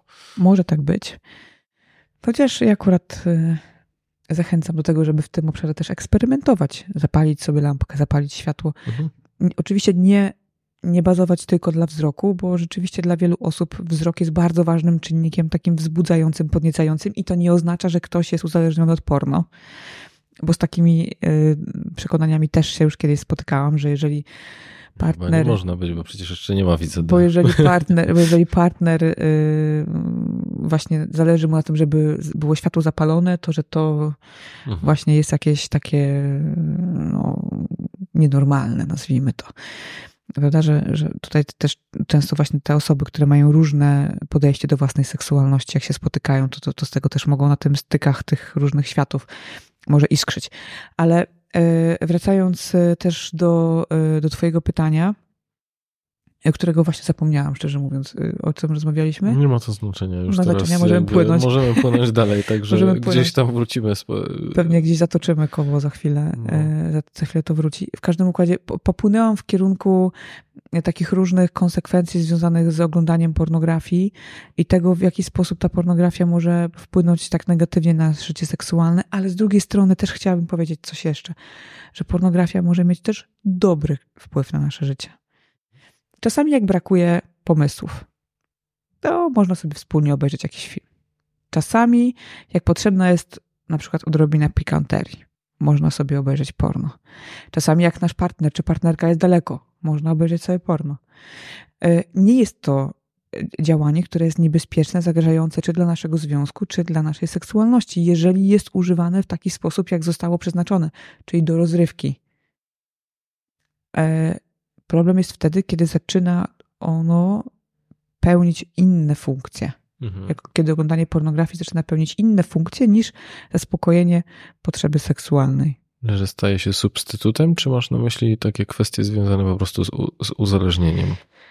Mm, ja, ja, ostrożnie używam tego słowa uzależnienie w kontekście pornografii, y, ale chodzi mi bardziej o takie sytuacje, kiedy, mm, kiedy zaczynamy, kiedy mam do czynienia z osobami, które mają dużo trudność, dużą trudność w tym, żeby nazwać, co się z nimi dzieje i porozróżniać właściwie jakieś swoje stany emocjonalne. Teraz jestem zły, teraz jestem smutny, czy smutna, e, a teraz jestem podniecona i mam ochotę na seks. Mhm. I czasami takie to wzburzenie wewnętrzne wszystko interpretuje się jako potrzebę do rozładowania napięcia, bo to się nazywa napięciem, najczęściej poprzez aktywność seksualną. I nie ma znaczenia, czy to jest smutek, lęk, złość, czy samotność, czy nuda, yy, tylko właśnie sięgamy po porno, yy, po masturbację i w ten sposób załatwiamy sobie to napięcie, rozładowujemy je poprzez masturbację i w ten sposób szukamy też ukojenia, uspokojenia.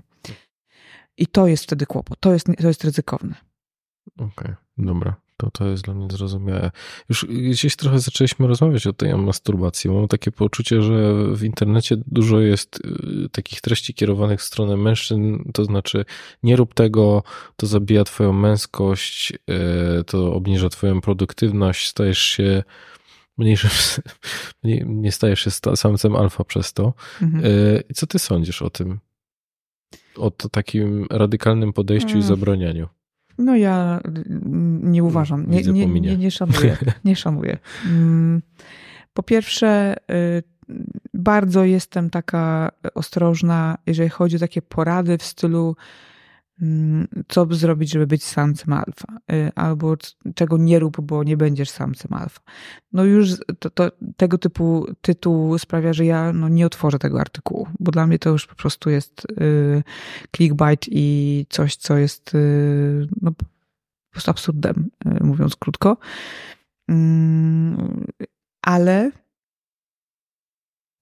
są różne, znaczy szanuję potrzebę dbania o swoją męskość. Mhm. Szanuję potrzebę dbania o swoją kobiecość. Ale e, na trudne pytania nie powinniśmy poszukiwać łatwych, uproszczonych odpowiedzi. To nie jest tak, że spełnimy pięć punktów i nasza męskość wzrośnie, albo nasza kobiecość, albo nasze poczucie pewności siebie.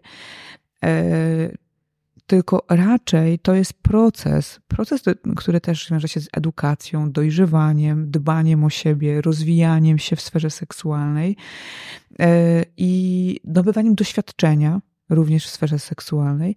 I to pielęgnuje męskość. Mhm. To sprawia, że ta męskość dojrzewa, albo kobiecość dojrzewa. Wtedy, kiedy nie wtedy, kiedy my zrobimy to albo tamtego nie, e, tylko wtedy, kiedy po prostu pielęgnujemy siebie w procesie dojrzewania. Wiesz, może ja też doprocesuję, o co mi chodzi. To znaczy, czy, czy ta masturbacja w jakiś sposób y, może być szkodliwa, zubażająca dla nas. To znaczy, bo ja już tak użyłem takich ekstremalnych przy, przykładów, czyli że ona miałaby w, na, nam zabierać jakieś możliwości mhm. y, i tak jak mówisz, w jakichś clickbaitowych tytułach ubrane, ale zastanawiam się, gdzie jest ta granica, kiedy ona jest dla nas rozwojowa, taką przyjemnością, eksploracją, a kiedy zaczyna, mm, zaczynamy przekraczać granicę, która no, po prostu negatywnie wpływa na nasze życie. Wtedy, kiedy zaczyna negatywnie wpływać na nasze życie. To Dziękuję. jest granica. To jest granica i ja wiem, że to wielu specjalistów podkreśla jak mantrę, ale wiele osób niepokoi się na przykład tym właśnie, czy jeżeli się masturbuje, to czy to negatywnie wpływa na mój związek, albo na mhm. moją męskość, albo kobiecość, albo na moją efektywność w pracy. Ale... Nie wiem, czy Lew Starowicz nie tak radykalnie nie powiedział, że nie wolno i nie, nie, nie, nie jestem w 100% przekonany, ale nie wiem, czy właśnie, wiesz, jakiś taki autorytet w tej seksuologicznej no. E, branży nie powiedział nie wolno, co nie spotkało się z no może z jakąś taką aprobatą, nie? I podzieleniem po prostu ludzi, którzy mówią wolno, nie wolno. Mhm. Powinno się, nie y, powinno. Nawet jeżeli tak powiedział, to y, w tym obszarze nie zgadzam się absolutnie.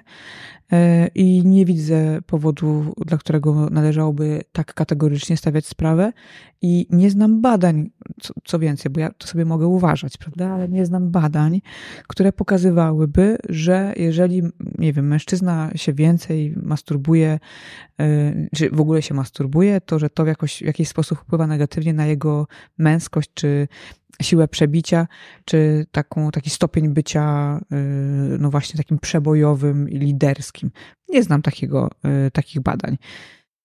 Mm, a przynajmniej takich, które miałyby jakąś dozę wiarygodności w sobie. Jakąś sensowność, dokładnie. Ale na pewno pochłonięcie, czyli druga skrajność, pochłonięcie przez masturbację. Od, w sytuacjach, w której nasza seksualność odciąga nas od codzienności, kiedy nie możemy się skupić na pracy, kiedy mamy, po, nie wiem, kiedy nie możemy spać, bo się, przepraszam, siedzimy i oglądamy porno. Może kiedy, nie wiem, w pracy robimy przerwy na masturbację. Mhm albo w pracy oglądamy pornografię. Przez to nasza uwaga jest rozproszona. Nie możemy skupić się na zadaniach, ponieważ cały czas gdzieś tam szukamy, y, szukamy tych bodźców i, i, i, gdzieś nasza, nasza uwaga jest w pewnym sensie też y, skupiona na y, tych zachowaniach seksualnych. Albo wtedy, kiedy właśnie już myślimy tylko o tym, kiedy za chwilę tę pracę skończymy, bo pójdziemy do domu wtedy, kiedy będziemy mogli poglądać porno to to jest obszar, kiedy to jest moment, w którym należy skorzystać z pomocy. I to już jest taki naprawdę y, bardzo duży dzwon alarmowy, y, że, że, że dzieje się coś niedobrego y, i że ta masturbacja stała się dla nas zagrażająca, a nie, nie jest dla nas formą przyjemności, redukcji swojego napięcia seksualnego, tylko że być może dzieje się coś więcej. Że to trochę tak zabrzmiało, jakbyśmy to my przestali decydować już o tym tylko że stali się zakładnikiem. trochę tak pacjenci to przeżywają, jako że są gdzieś zakładnikami. Tyle tylko, że z drugiej strony wielu zakładników chciałoby się wydobyć z tej niewoli, prawda? Mhm. A czasami jest tak, że chęć wydobycia się z tego zniewolenia przez treści pornograficzne czy przez masturbację może być tak, że to jest trudne, że może być tak, że z jednej strony chcemy, bo widzimy, ile mamy szkód w życiu, ale z drugiej strony to jest tak osadzone w naszym życiu. Mamy z tego też dużo korzyści, no bo na przykład przyjemności albo szybko, szybki, szybki sposób rozładowania napięcia. E, to, albo po, że to jest nasz podstawowy sposób rozładowania napięcia, albo wreszcie wyobraź sobie osobę, która wiele godzin dziennie ogląda, masturba, ogląda pornografię i się masturbuje, i teraz nagle zakażemy jej robienia tego. To co ta osoba będzie robiła przez te godziny? Co zrobić z tym czasem?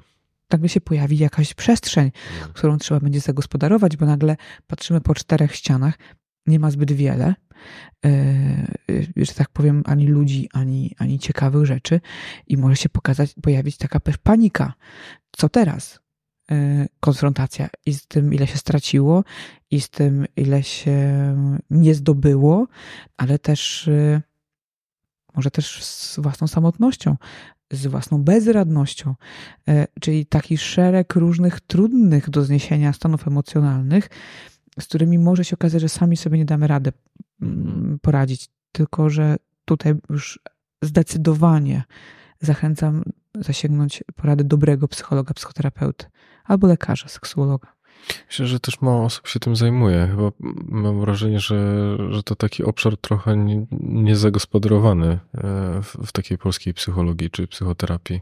Coraz lepiej jest, ale niestety znowu bardziej na rynku prywatnym niż, y, niż dostępnym państwowo. No mam nadzieję, że może dojrzejemy takich czasów, chociaż powoli tak jakoś tracę nadzieję, że może dożyjemy takich czasów, kiedy rzeczywiście seksuologia będzie szeroko dostępna w ramach Narodowego Funduszu Zdrowia w takim szerszym zakresie, również właśnie biorąc pod uwagę stopień i nasilenie problemów związanych też u młodych ludzi i z relacjami seksualnymi i z tymi zachowaniami kompensacyjnymi. E, bo to, o czym rozmawiamy, jest zjawiskiem, które nie jest czymś, co się pojawiło rok temu albo w pandemii, ale z kolei był taki moment w pandemii, że myśmy zauważyli rzeczywiście skok problemów związanych z masturbacją, pornografią, ponieważ nagle okazało się, że zamknęliśmy się w domu. Niewiele z tego domu e, była okazja wychodzić, no więc też te życie seksualne przeniosło się do internetu. Także no tutaj na różnych poziomach są te, są te trudności, ale efekt jest taki, że mamy do czynienia z dużą liczbą młodych często osób, które gdzieś utknęły w świecie porno, mają duży problem z wyjściem do ludzi, mhm. z nawiązaniem relacji w tak zwanym realu, przeżywają dużo frustracji z tego powodu i yy, coraz bardziej pogłębiają się w tym ciemnych, w tych ciemnych sferach internetu e, i w takim dużym poczuciu izolacji, niespełnienia, często gniewu, e, często lęku, złości i na siebie, i na świat. E, I, i też no, gdzieś w takim poczuciu przegrania w życiu. I Tutaj od razu mi się przypomniała książka hashtag przegryw. Nie wiem, czy kiedy, kiedyś, czy, czy miałeś okazję ją czytać. Słuchałem wywiadu z autorką ostatnio. Myśmy tam z Robertem Kowalczykiem robili na ten temat nawet y, audycję i nie ukrywam, że to jest jedna z takich książek, która jakoś mocno y, mnie... Cię, cię zapytać, czy to, czy te środowiska przegrywów inceli nie są właśnie tym, które ten problem dotyka? właśnie, no, no, nie bez powodu do tego dotarliśmy, tak, do tego hmm. miejsca. E, ja jednak e, po przeczytaniu tej książki e, jakoś bardzo postanowiłam sobie, żebyśmy jednak o tej grupie osób nie zapominali, bo, bo, bo żebyśmy o niej mówili, żebyśmy też edukowali rodziców, takich młodych ludzi, ale samych do, może w jakiś sposób też docierali do tych młodych ludzi, że, y, że, że to nie jest tak, że tam ten świat jest, że to już koniec świata, mhm. że stamtąd jest y, odwrót i że seksuologia, psychiatria, psychologia ma y, wiele do zaoferowania w takich obszarach. Jak myślisz, o co chodzi z przegrywami? Oj, to jest też temat bardzo złożony. Ja nie wiem do końca. Mhm. E, bo myślę, że przeczytanie jednej książki e, to jest zdecydowanie za mało, żeby na tej podstawie stawiać jakieś społeczne diagnozy. Ja też nie jestem e, osobą, która specjalizuje się w analizie zjawisk społecznych. Ja bardziej widzę z takiej perspektywy gabinetu się mogę wypowiedzieć, ale z kolei do gabinetu rzadko przychodzą do mnie właśnie osoby, które mają ten problem. A to niedobrze. W sensie, bo rzeczywiście Y, powinniśmy o tym mówić. I z tej książki też taka jedna rzecz mi się przypomniała teraz, że tam często te osoby były w trakcie leczenia psychiatrycznego y, z powodu różnych problemów, ale od razu we mnie się pojawiała się taka myśl, czy ci psychiatrzy również wiedzieli, jak dużą frustrację powoduje brak aktywności seksualnej, taka izolacja w świecie seksualności. Y, bo bo, myśl, bo, bo ja rzadko kiedy na takie tematy rzeczywiście z pacjentami rozmawiam. A to też jakoś pokazało mi, że trzeba być czujnym w tym obszarze. Że mhm. jednak to, że ktoś przychodzi z objawami znowu lękowymi, depresyjnymi, izolacją społeczną, wycofaniem, takim pogrążeniem się w świecie gdzieś tam pokoju i internetu, oznacza, że być może mamy też do czynienia właśnie z osobą, która również w tej sferze seksualnej doświadcza potężnego odrzucenia. Mhm. Takiego też samemu, samemu, sam, przed samym sobą. O. No właśnie, e, nawet e, kilkukrotnie pojawił się jakiś taki komentarz, e, że ktoś, ludzie prosili o to, żeby ten temat się pojawił na kanale, ale ja nie, znam ludzi, którzy, którzy się w ogóle tym zajmują, którzy w jakiś taki mhm. sensowny sposób mogliby się o tym wypowiedzieć. Więc jeżeli ktokolwiek kogoś zna, to dawajcie znać, bo chętnie porozmawiam o tym, o tym zjawisku. Mam jeszcze takie, tak, ten aspekt, który chciałem poruszyć, to, to alkohol. Alkohol mhm. i seks. Mam wrażenie, że on jest trochę bliski, e, to znaczy, że często, często to się łączy ze sobą, że dochodzi do jakichś aktywności seksualnych w, po spożywaniu alkoholu, ale też chciałem zapytać, e, czy to jak ten alkohol w, mo, y, może na ten seks wpływać? Mm, alkohol, ten związek pomiędzy alkoholem a seksem jest opisywany, wiesz, w literaturze od dziesięcioleci. Mhm.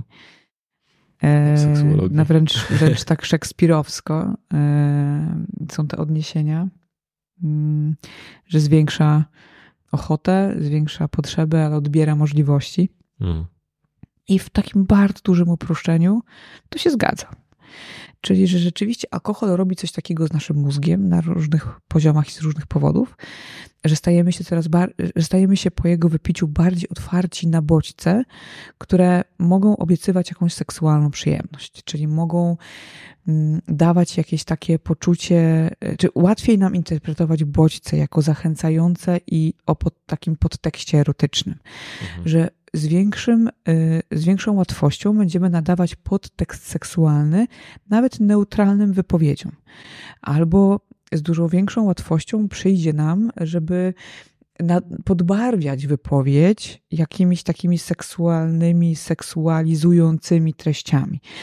E, no, to też oczywiście wiąże się z takim układem, czy z tymi układami neuroprzekaźnikowymi, tutaj akurat alkohol działa na układ GABAergiczny, czyli na taki układ głównie hamujący środkowego układu nerwowego, co spowoduje, że gdzieś w tych wszystkich procesach w efekcie nasila się e, wyhamowywanie takich struktur, które są nowsze filogenetycznie, jeżeli chodzi o nasz ośrodkowy układ nerwowy, czyli generalnie upraszczając, wyhamowujemy takie struktury, które nas wyhamowują. Czyli, czyli... Czekaj, czekaj, czyli alkohol działa na GABę, ale że po, podnosi go? Czy tak, obniża? nasila aktywność układu GABAergicznego. Dobra, czyli... Czyli ale... nasila układ hamujący. Mhm. Jeżeli mamy nasilenie tego układu to w takim dużym uproszczeniu, w takim no, dużym uproszczeniu, no. w takim dużym uproszczeniu, tak jak się to tłumaczy gdzieś takim, żeby mniej więcej mieć zarys, bo to oczywiście znowu jest dużo w tym przypuszczeń, dużo w tym jest mhm. takich mhm. niepewności, ale chodzi o to, że w momencie, kiedy nasila się ten efekt hamujący, to zaczynają się wyhamowywać różne ośrodki naszego układu nerwowego. E, zaczynają, zaczynamy od tych najnowszych filogenetycznie, czyli rozwojowo struktur, czyli tych, które gdzieś e, wiążą się z dostosowywaniem naszego zachowania, naszego działania do pewnych norm społecznych, do tego, na co myśmy jako społeczeństwo się umówili. Czyli że gdzieś trochę stajemy się, nawet mówi się to potocznie, bardziej odhamowani. Czyli, że gdzieś te, te, te bodźce wyhamowujące, one no, gdzieś trochę się przygaszają. No, takie strzel kielicha, to będziesz odważniejszy, nie? To... Tak. I teraz, no, oczywiście, no, wszystko dla ludzi, ale też musimy zdawać sobie sprawę z tego, że alkohol będzie powodował, że my będziemy być może nieprawidłowo interpretowali sytuację, że być może będziemy nadawali jej bardziej seksualny wyraz niż ona rzeczywiście ma. E, może się też okazać, że no, sami stajemy się bardziej tak tacy e, no, otwarci, ale no, na, na, na, na takie różnego rodzaju aktywności i zachowania seksualne może się okazać, że zbyt otwarci. E, i że pozwalamy sobie na zbyt dużo e, i że wchodzimy w takie kontakty i takie e, relacje, które no potem nie do końca jesteśmy z tego zadowoleni, że, że, że takie, że, że, że, że, że, że, że no, to się zadziało. Oczywiście nie zawsze, dla większości ludzi i wielu osób korzysta z alkoholu po prostu jako dla źródła zabawy i przyjemności, i super, ale to zagrożenie, o tym zagrożeniu i o tym działaniu alkoholu też musimy pamiętać, bo potem jest no, bardzo przykro, jeśli okaże się, że pod wpływem alkoholu zrobiliśmy coś, czego żałujemy yy, i co będzie jakoś miało dla nas mm, mm, poważniejsze yy, konsekwencje. Yy, nie, nie, nie odnoszę się tylko do na przykład, wiem, że pewnie wielu ze słuchaczy myśli od razu o przemocy. To nie chodzi tylko o przemoc. Chodzi o zaangażowanie się w takie zachowania seksualne, których potem zwyczajnie zgodzenie się na coś, czego będziemy potem żałować, albo się wstydzić, albo powiemy, kurczę, jak to do tego doszło. Po, co, po, co to by, po co to mi było? Więc no tutaj o tym wpływie alkoholu y, musimy, y, musimy pamiętać, że on będzie zaburzał nasz odbiór sytuacji. Y, co oczywiście no tutaj, żeby być oczywiście tak fair, że no bycie pod wpływem alkoholu nie upoważnia innych osób, prawda, do wykorzystania tego stanu, że my akurat jesteśmy pod wpływem alkoholu i to jest oczywiście przemoc i przestępstwo. Żeby to jednoznacznie też y, y, padło, ale y, Poza tymi czynnikami związanymi właśnie z ryzykiem przemocy, bycia i sprawcą przemocy, i ofiarą przemocy w związku z użyciem alkoholu, to też alkohol wpływa na nasz organizm w taki sposób dwojaki, może tak, znów akademicko to podzielmy. Z jednej strony pewne zmiany dzieją się po spożyciu niewielkiej ilości alkoholu, ale też pewne zmiany dzieją się, jeżeli jesteśmy regularnymi użytkownikami, wręcz osobami, które mają zaburzenia związane z używaniem substancji psychoaktywnych, w tym przypadku alkoholu. Czyli mówiąc dawniej, jesteśmy osobami uzależnionymi od alkoholu. E, I teraz je, takie jednorazowe spożycie alkoholu najczęściej wiąże się z, e, no, z jednej strony z takim nasileniem potrzeb i takim odhamowywaniem e, zachowań seksualnych, ale z drugiej strony może być tak, że będzie trudniej uzyskać orgazm. Czyli to, to też wynika z takiego wpływu alkoholu na inne niż układ GABAergiczny, układ neuroprzekaźnikowy. Generalnie alkohol wpływa też na układ serotoninergiczny, też nasila to przekaźnictwo serotoninergiczne w efekcie. Pewnie dlatego, znów to na poziomie hipotez jesteśmy, y, też będzie, na, będzie też y, właśnie utrudniało Między innymi też dlatego będzie utrudniało y, uzyskanie satysfakcji seksualnej, co jest czasami takim chałupniczym czasami tak nazywamy, e, takim, takim sposobem radzenia sobie chociażby z wytryskiem przedwczesnym przez mężczyzn, e, bo jeżeli się wypije jedno czy dwa piwa, czy ileś tam, to może być tak, że, że rzeczywiście ten czas trwania stosunku będzie dłuższy. W związku z powyższym no, będzie tutaj e, mniejsze ryzyko, że rzeczywiście ta ejakulacja nastąpi bardzo szybko, znacznie szybciej niż dany mężczyzna by sobie tego, e, tego życzył. Z kolei w przypadku kobiet e, czasami alkohol służy temu, żeby zredukować napięcie, zredukować lęk przed kontaktem seksualnym. Ja absolutnie tego nie popieram. E, tak samo jak nie popieram tego, żeby używać alkoholu, żeby radzić sobie z wytryskiem przedwczesnym. Od tego są lekarze i leki.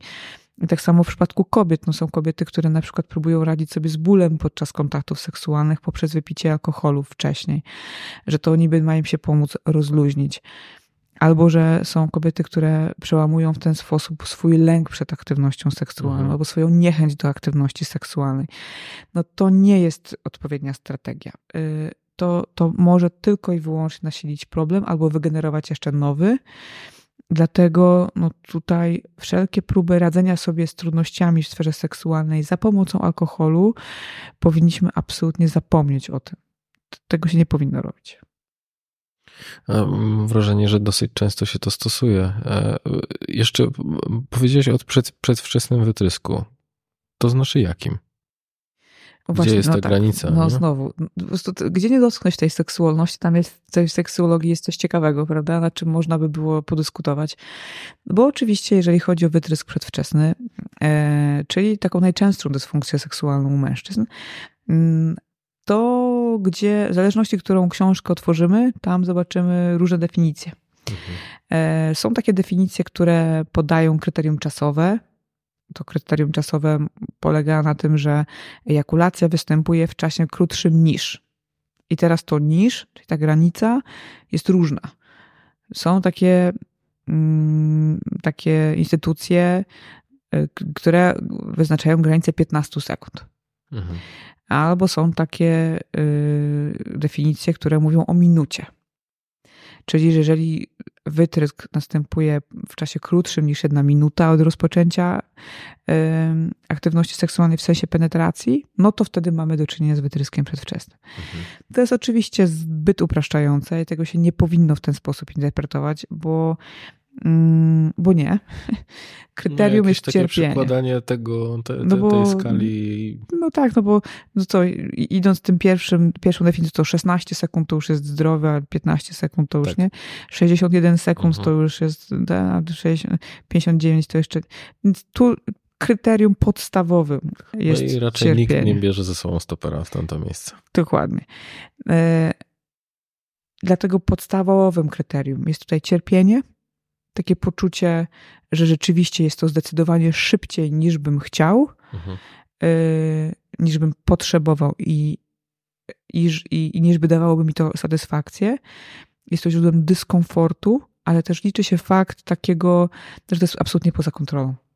W sensie, że tutaj niezwykle trudno jest powstrzymać ten wytrysk. E, I teraz oczywiście są różne rodzaje wytrysku przedwczesnego, różne typy właściwie wytrysku przedwczesnego, w zależności od tego, jak szybko on się pojawia, w jakich okolicznościach, czy on to przybiera postać trwającą całe życie, czy on przybiera postać, która się pojawiła w pewnym momencie życia. Trochę inaczej też wygląda wtedy rokowanie, trochę inaczej wygląda leczenie takiego mężczyzny. Ale e, ważne jest to, żeby niezależnie od tego, czy mamy ten problem trwający od miesiąca czy od 10 lat, idźmy do lekarza. I tutaj zwracam uwagę na lekarza jednak. A do kogo dokładnie? lekarz seksuolog. Mhm. E, może być też nawet psychiatra, ale lepiej, żeby to był lekarz seksuolog, jeżeli nie jest. Dost... Dlaczego? Bo zazwyczaj jest tak, że w seksuologii y, mówimy, że w zależności od, rzadko kiedy ma to duże znaczenie, czy najpierw pójdziemy do lekarza seksuologa, czy do psychologa seksuologa, bo my w pewnym momencie i tak, jeżeli będzie odeślemy. widzieć, to odeślemy, przekierujemy na konsultację.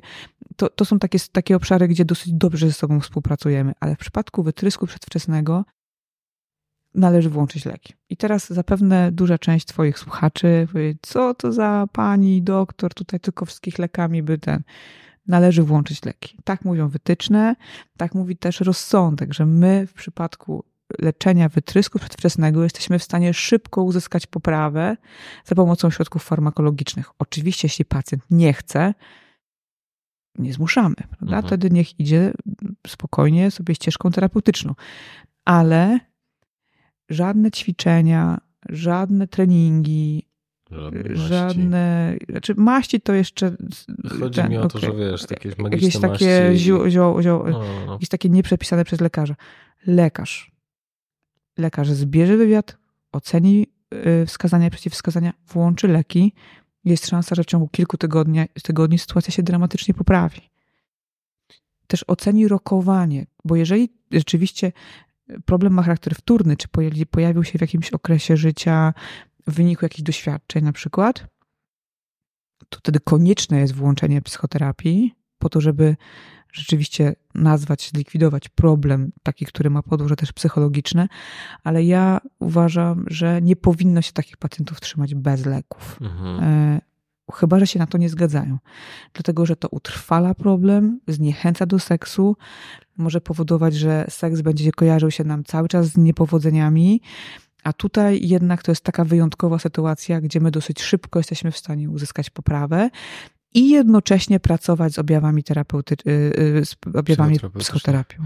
Y, te leki przyjmuje się do końca życia? Bardzo to jest indywidualne. Okay.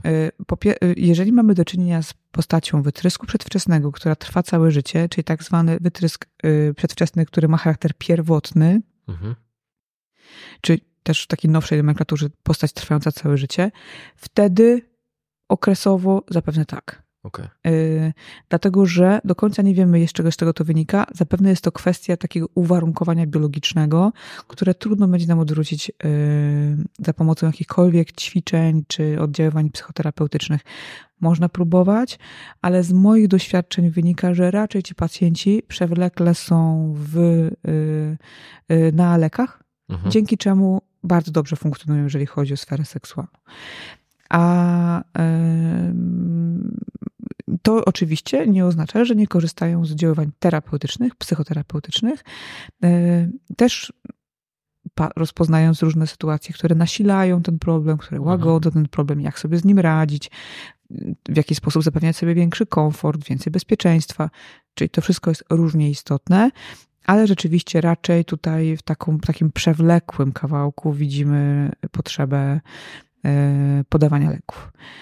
Z kolei, jeżeli mamy do czynienia z osobą, która choruje na tak zwany, która, której stwierdzamy tak zwany wytrysk przedwczesny wtórny, który czyli on się pojawił w jakimś okresie życia, rokowanie jest takie, że raczej mm, walczymy o to, żeby uzyskać pełne ustąpienie objawów, czyli żeby tutaj bardzo, bardzo ważne będzie szybkie włączenie się, y, y, włączenie leczenia, szybkie zgłoszenie się do lekarza, mhm. włączenie leków, po to, żeby właśnie nie utrwalać tego mechanizmu, żeby nie było tak, że on potem będzie trwał 10 lat, tylko żeby rzeczywiście po kilku miesiącach na przykład pojawienia się takiego problemu zgłosić do lekarza, otrzymujemy leki, powinno być skierowanie do psychologa, seksuologa na psychoterapię i toczy się proces terapeutyczny jednocześnie z lekami e, i to ma dużo, dużą szansę powodzenia.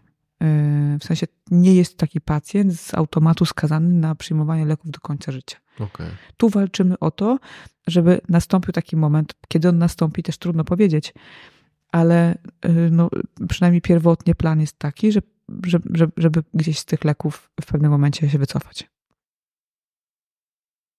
Dobra, teraz to dobrze, że o tym powiedziałeś, bo myślę, że to jest szalenie ważna informacja, żeby nie rozbijać się o różne sposoby, bo e, powiedziałeś to z taką pewnością jakby i wytłumaczyłaś, z czego pewne rzeczy wynikają, że dla mnie to jest jasna droga, która no, może sprawić, że po prostu ludzie nie będą cierpieli i ten problem się nie będzie pogłębiał i on też pewnie generuje masę wstydu i takich mhm. ciężkich do przeżywania emocji. Mhm. Dokładnie tak jest. Możemy sobie z tym poradzić szybko, farmakologicznie, Oczywiście terapia jest tutaj bardzo ważna jako element y, współleczenia, ale akurat w przypadku wytrysku przedwczesnego bardzo zachęcam do tego, żeby skorzystać z pomocy lekarza i przyjąć leki. Mhm. Myślę, że jest że my tylko ten czubek tej góry lodowej mhm. dopiero nadszarpnęliśmy, ale myślę, że to wystarczy na chyba pierwszą część e, naszej rozmowy. Także chciałem Ci serdecznie podziękować, e, bo tak jak Ci też mówiłem przed nagraniem, Twoje wykłady na, na, na studiach seksuologicznych były dla mnie mega wzbogacające. Jeżeli miałbym powiedzieć o tym, które mi naprawdę bardzo dużo dały, to właśnie były Twoje, więc super, że, że mimo tak zwariowanego tygodnia znalazłeś czas na to, żeby wpaść także super było z Tobą porozmawiać. Ja dziękuję za zaproszenie i dzięki to dla mnie bardzo miłe słowa. To dziękuję. Dziękuję. Słuchasz podcastu charyzmatyczny. Zasubskrybuj, daj kciuk w górę lub skomentuj.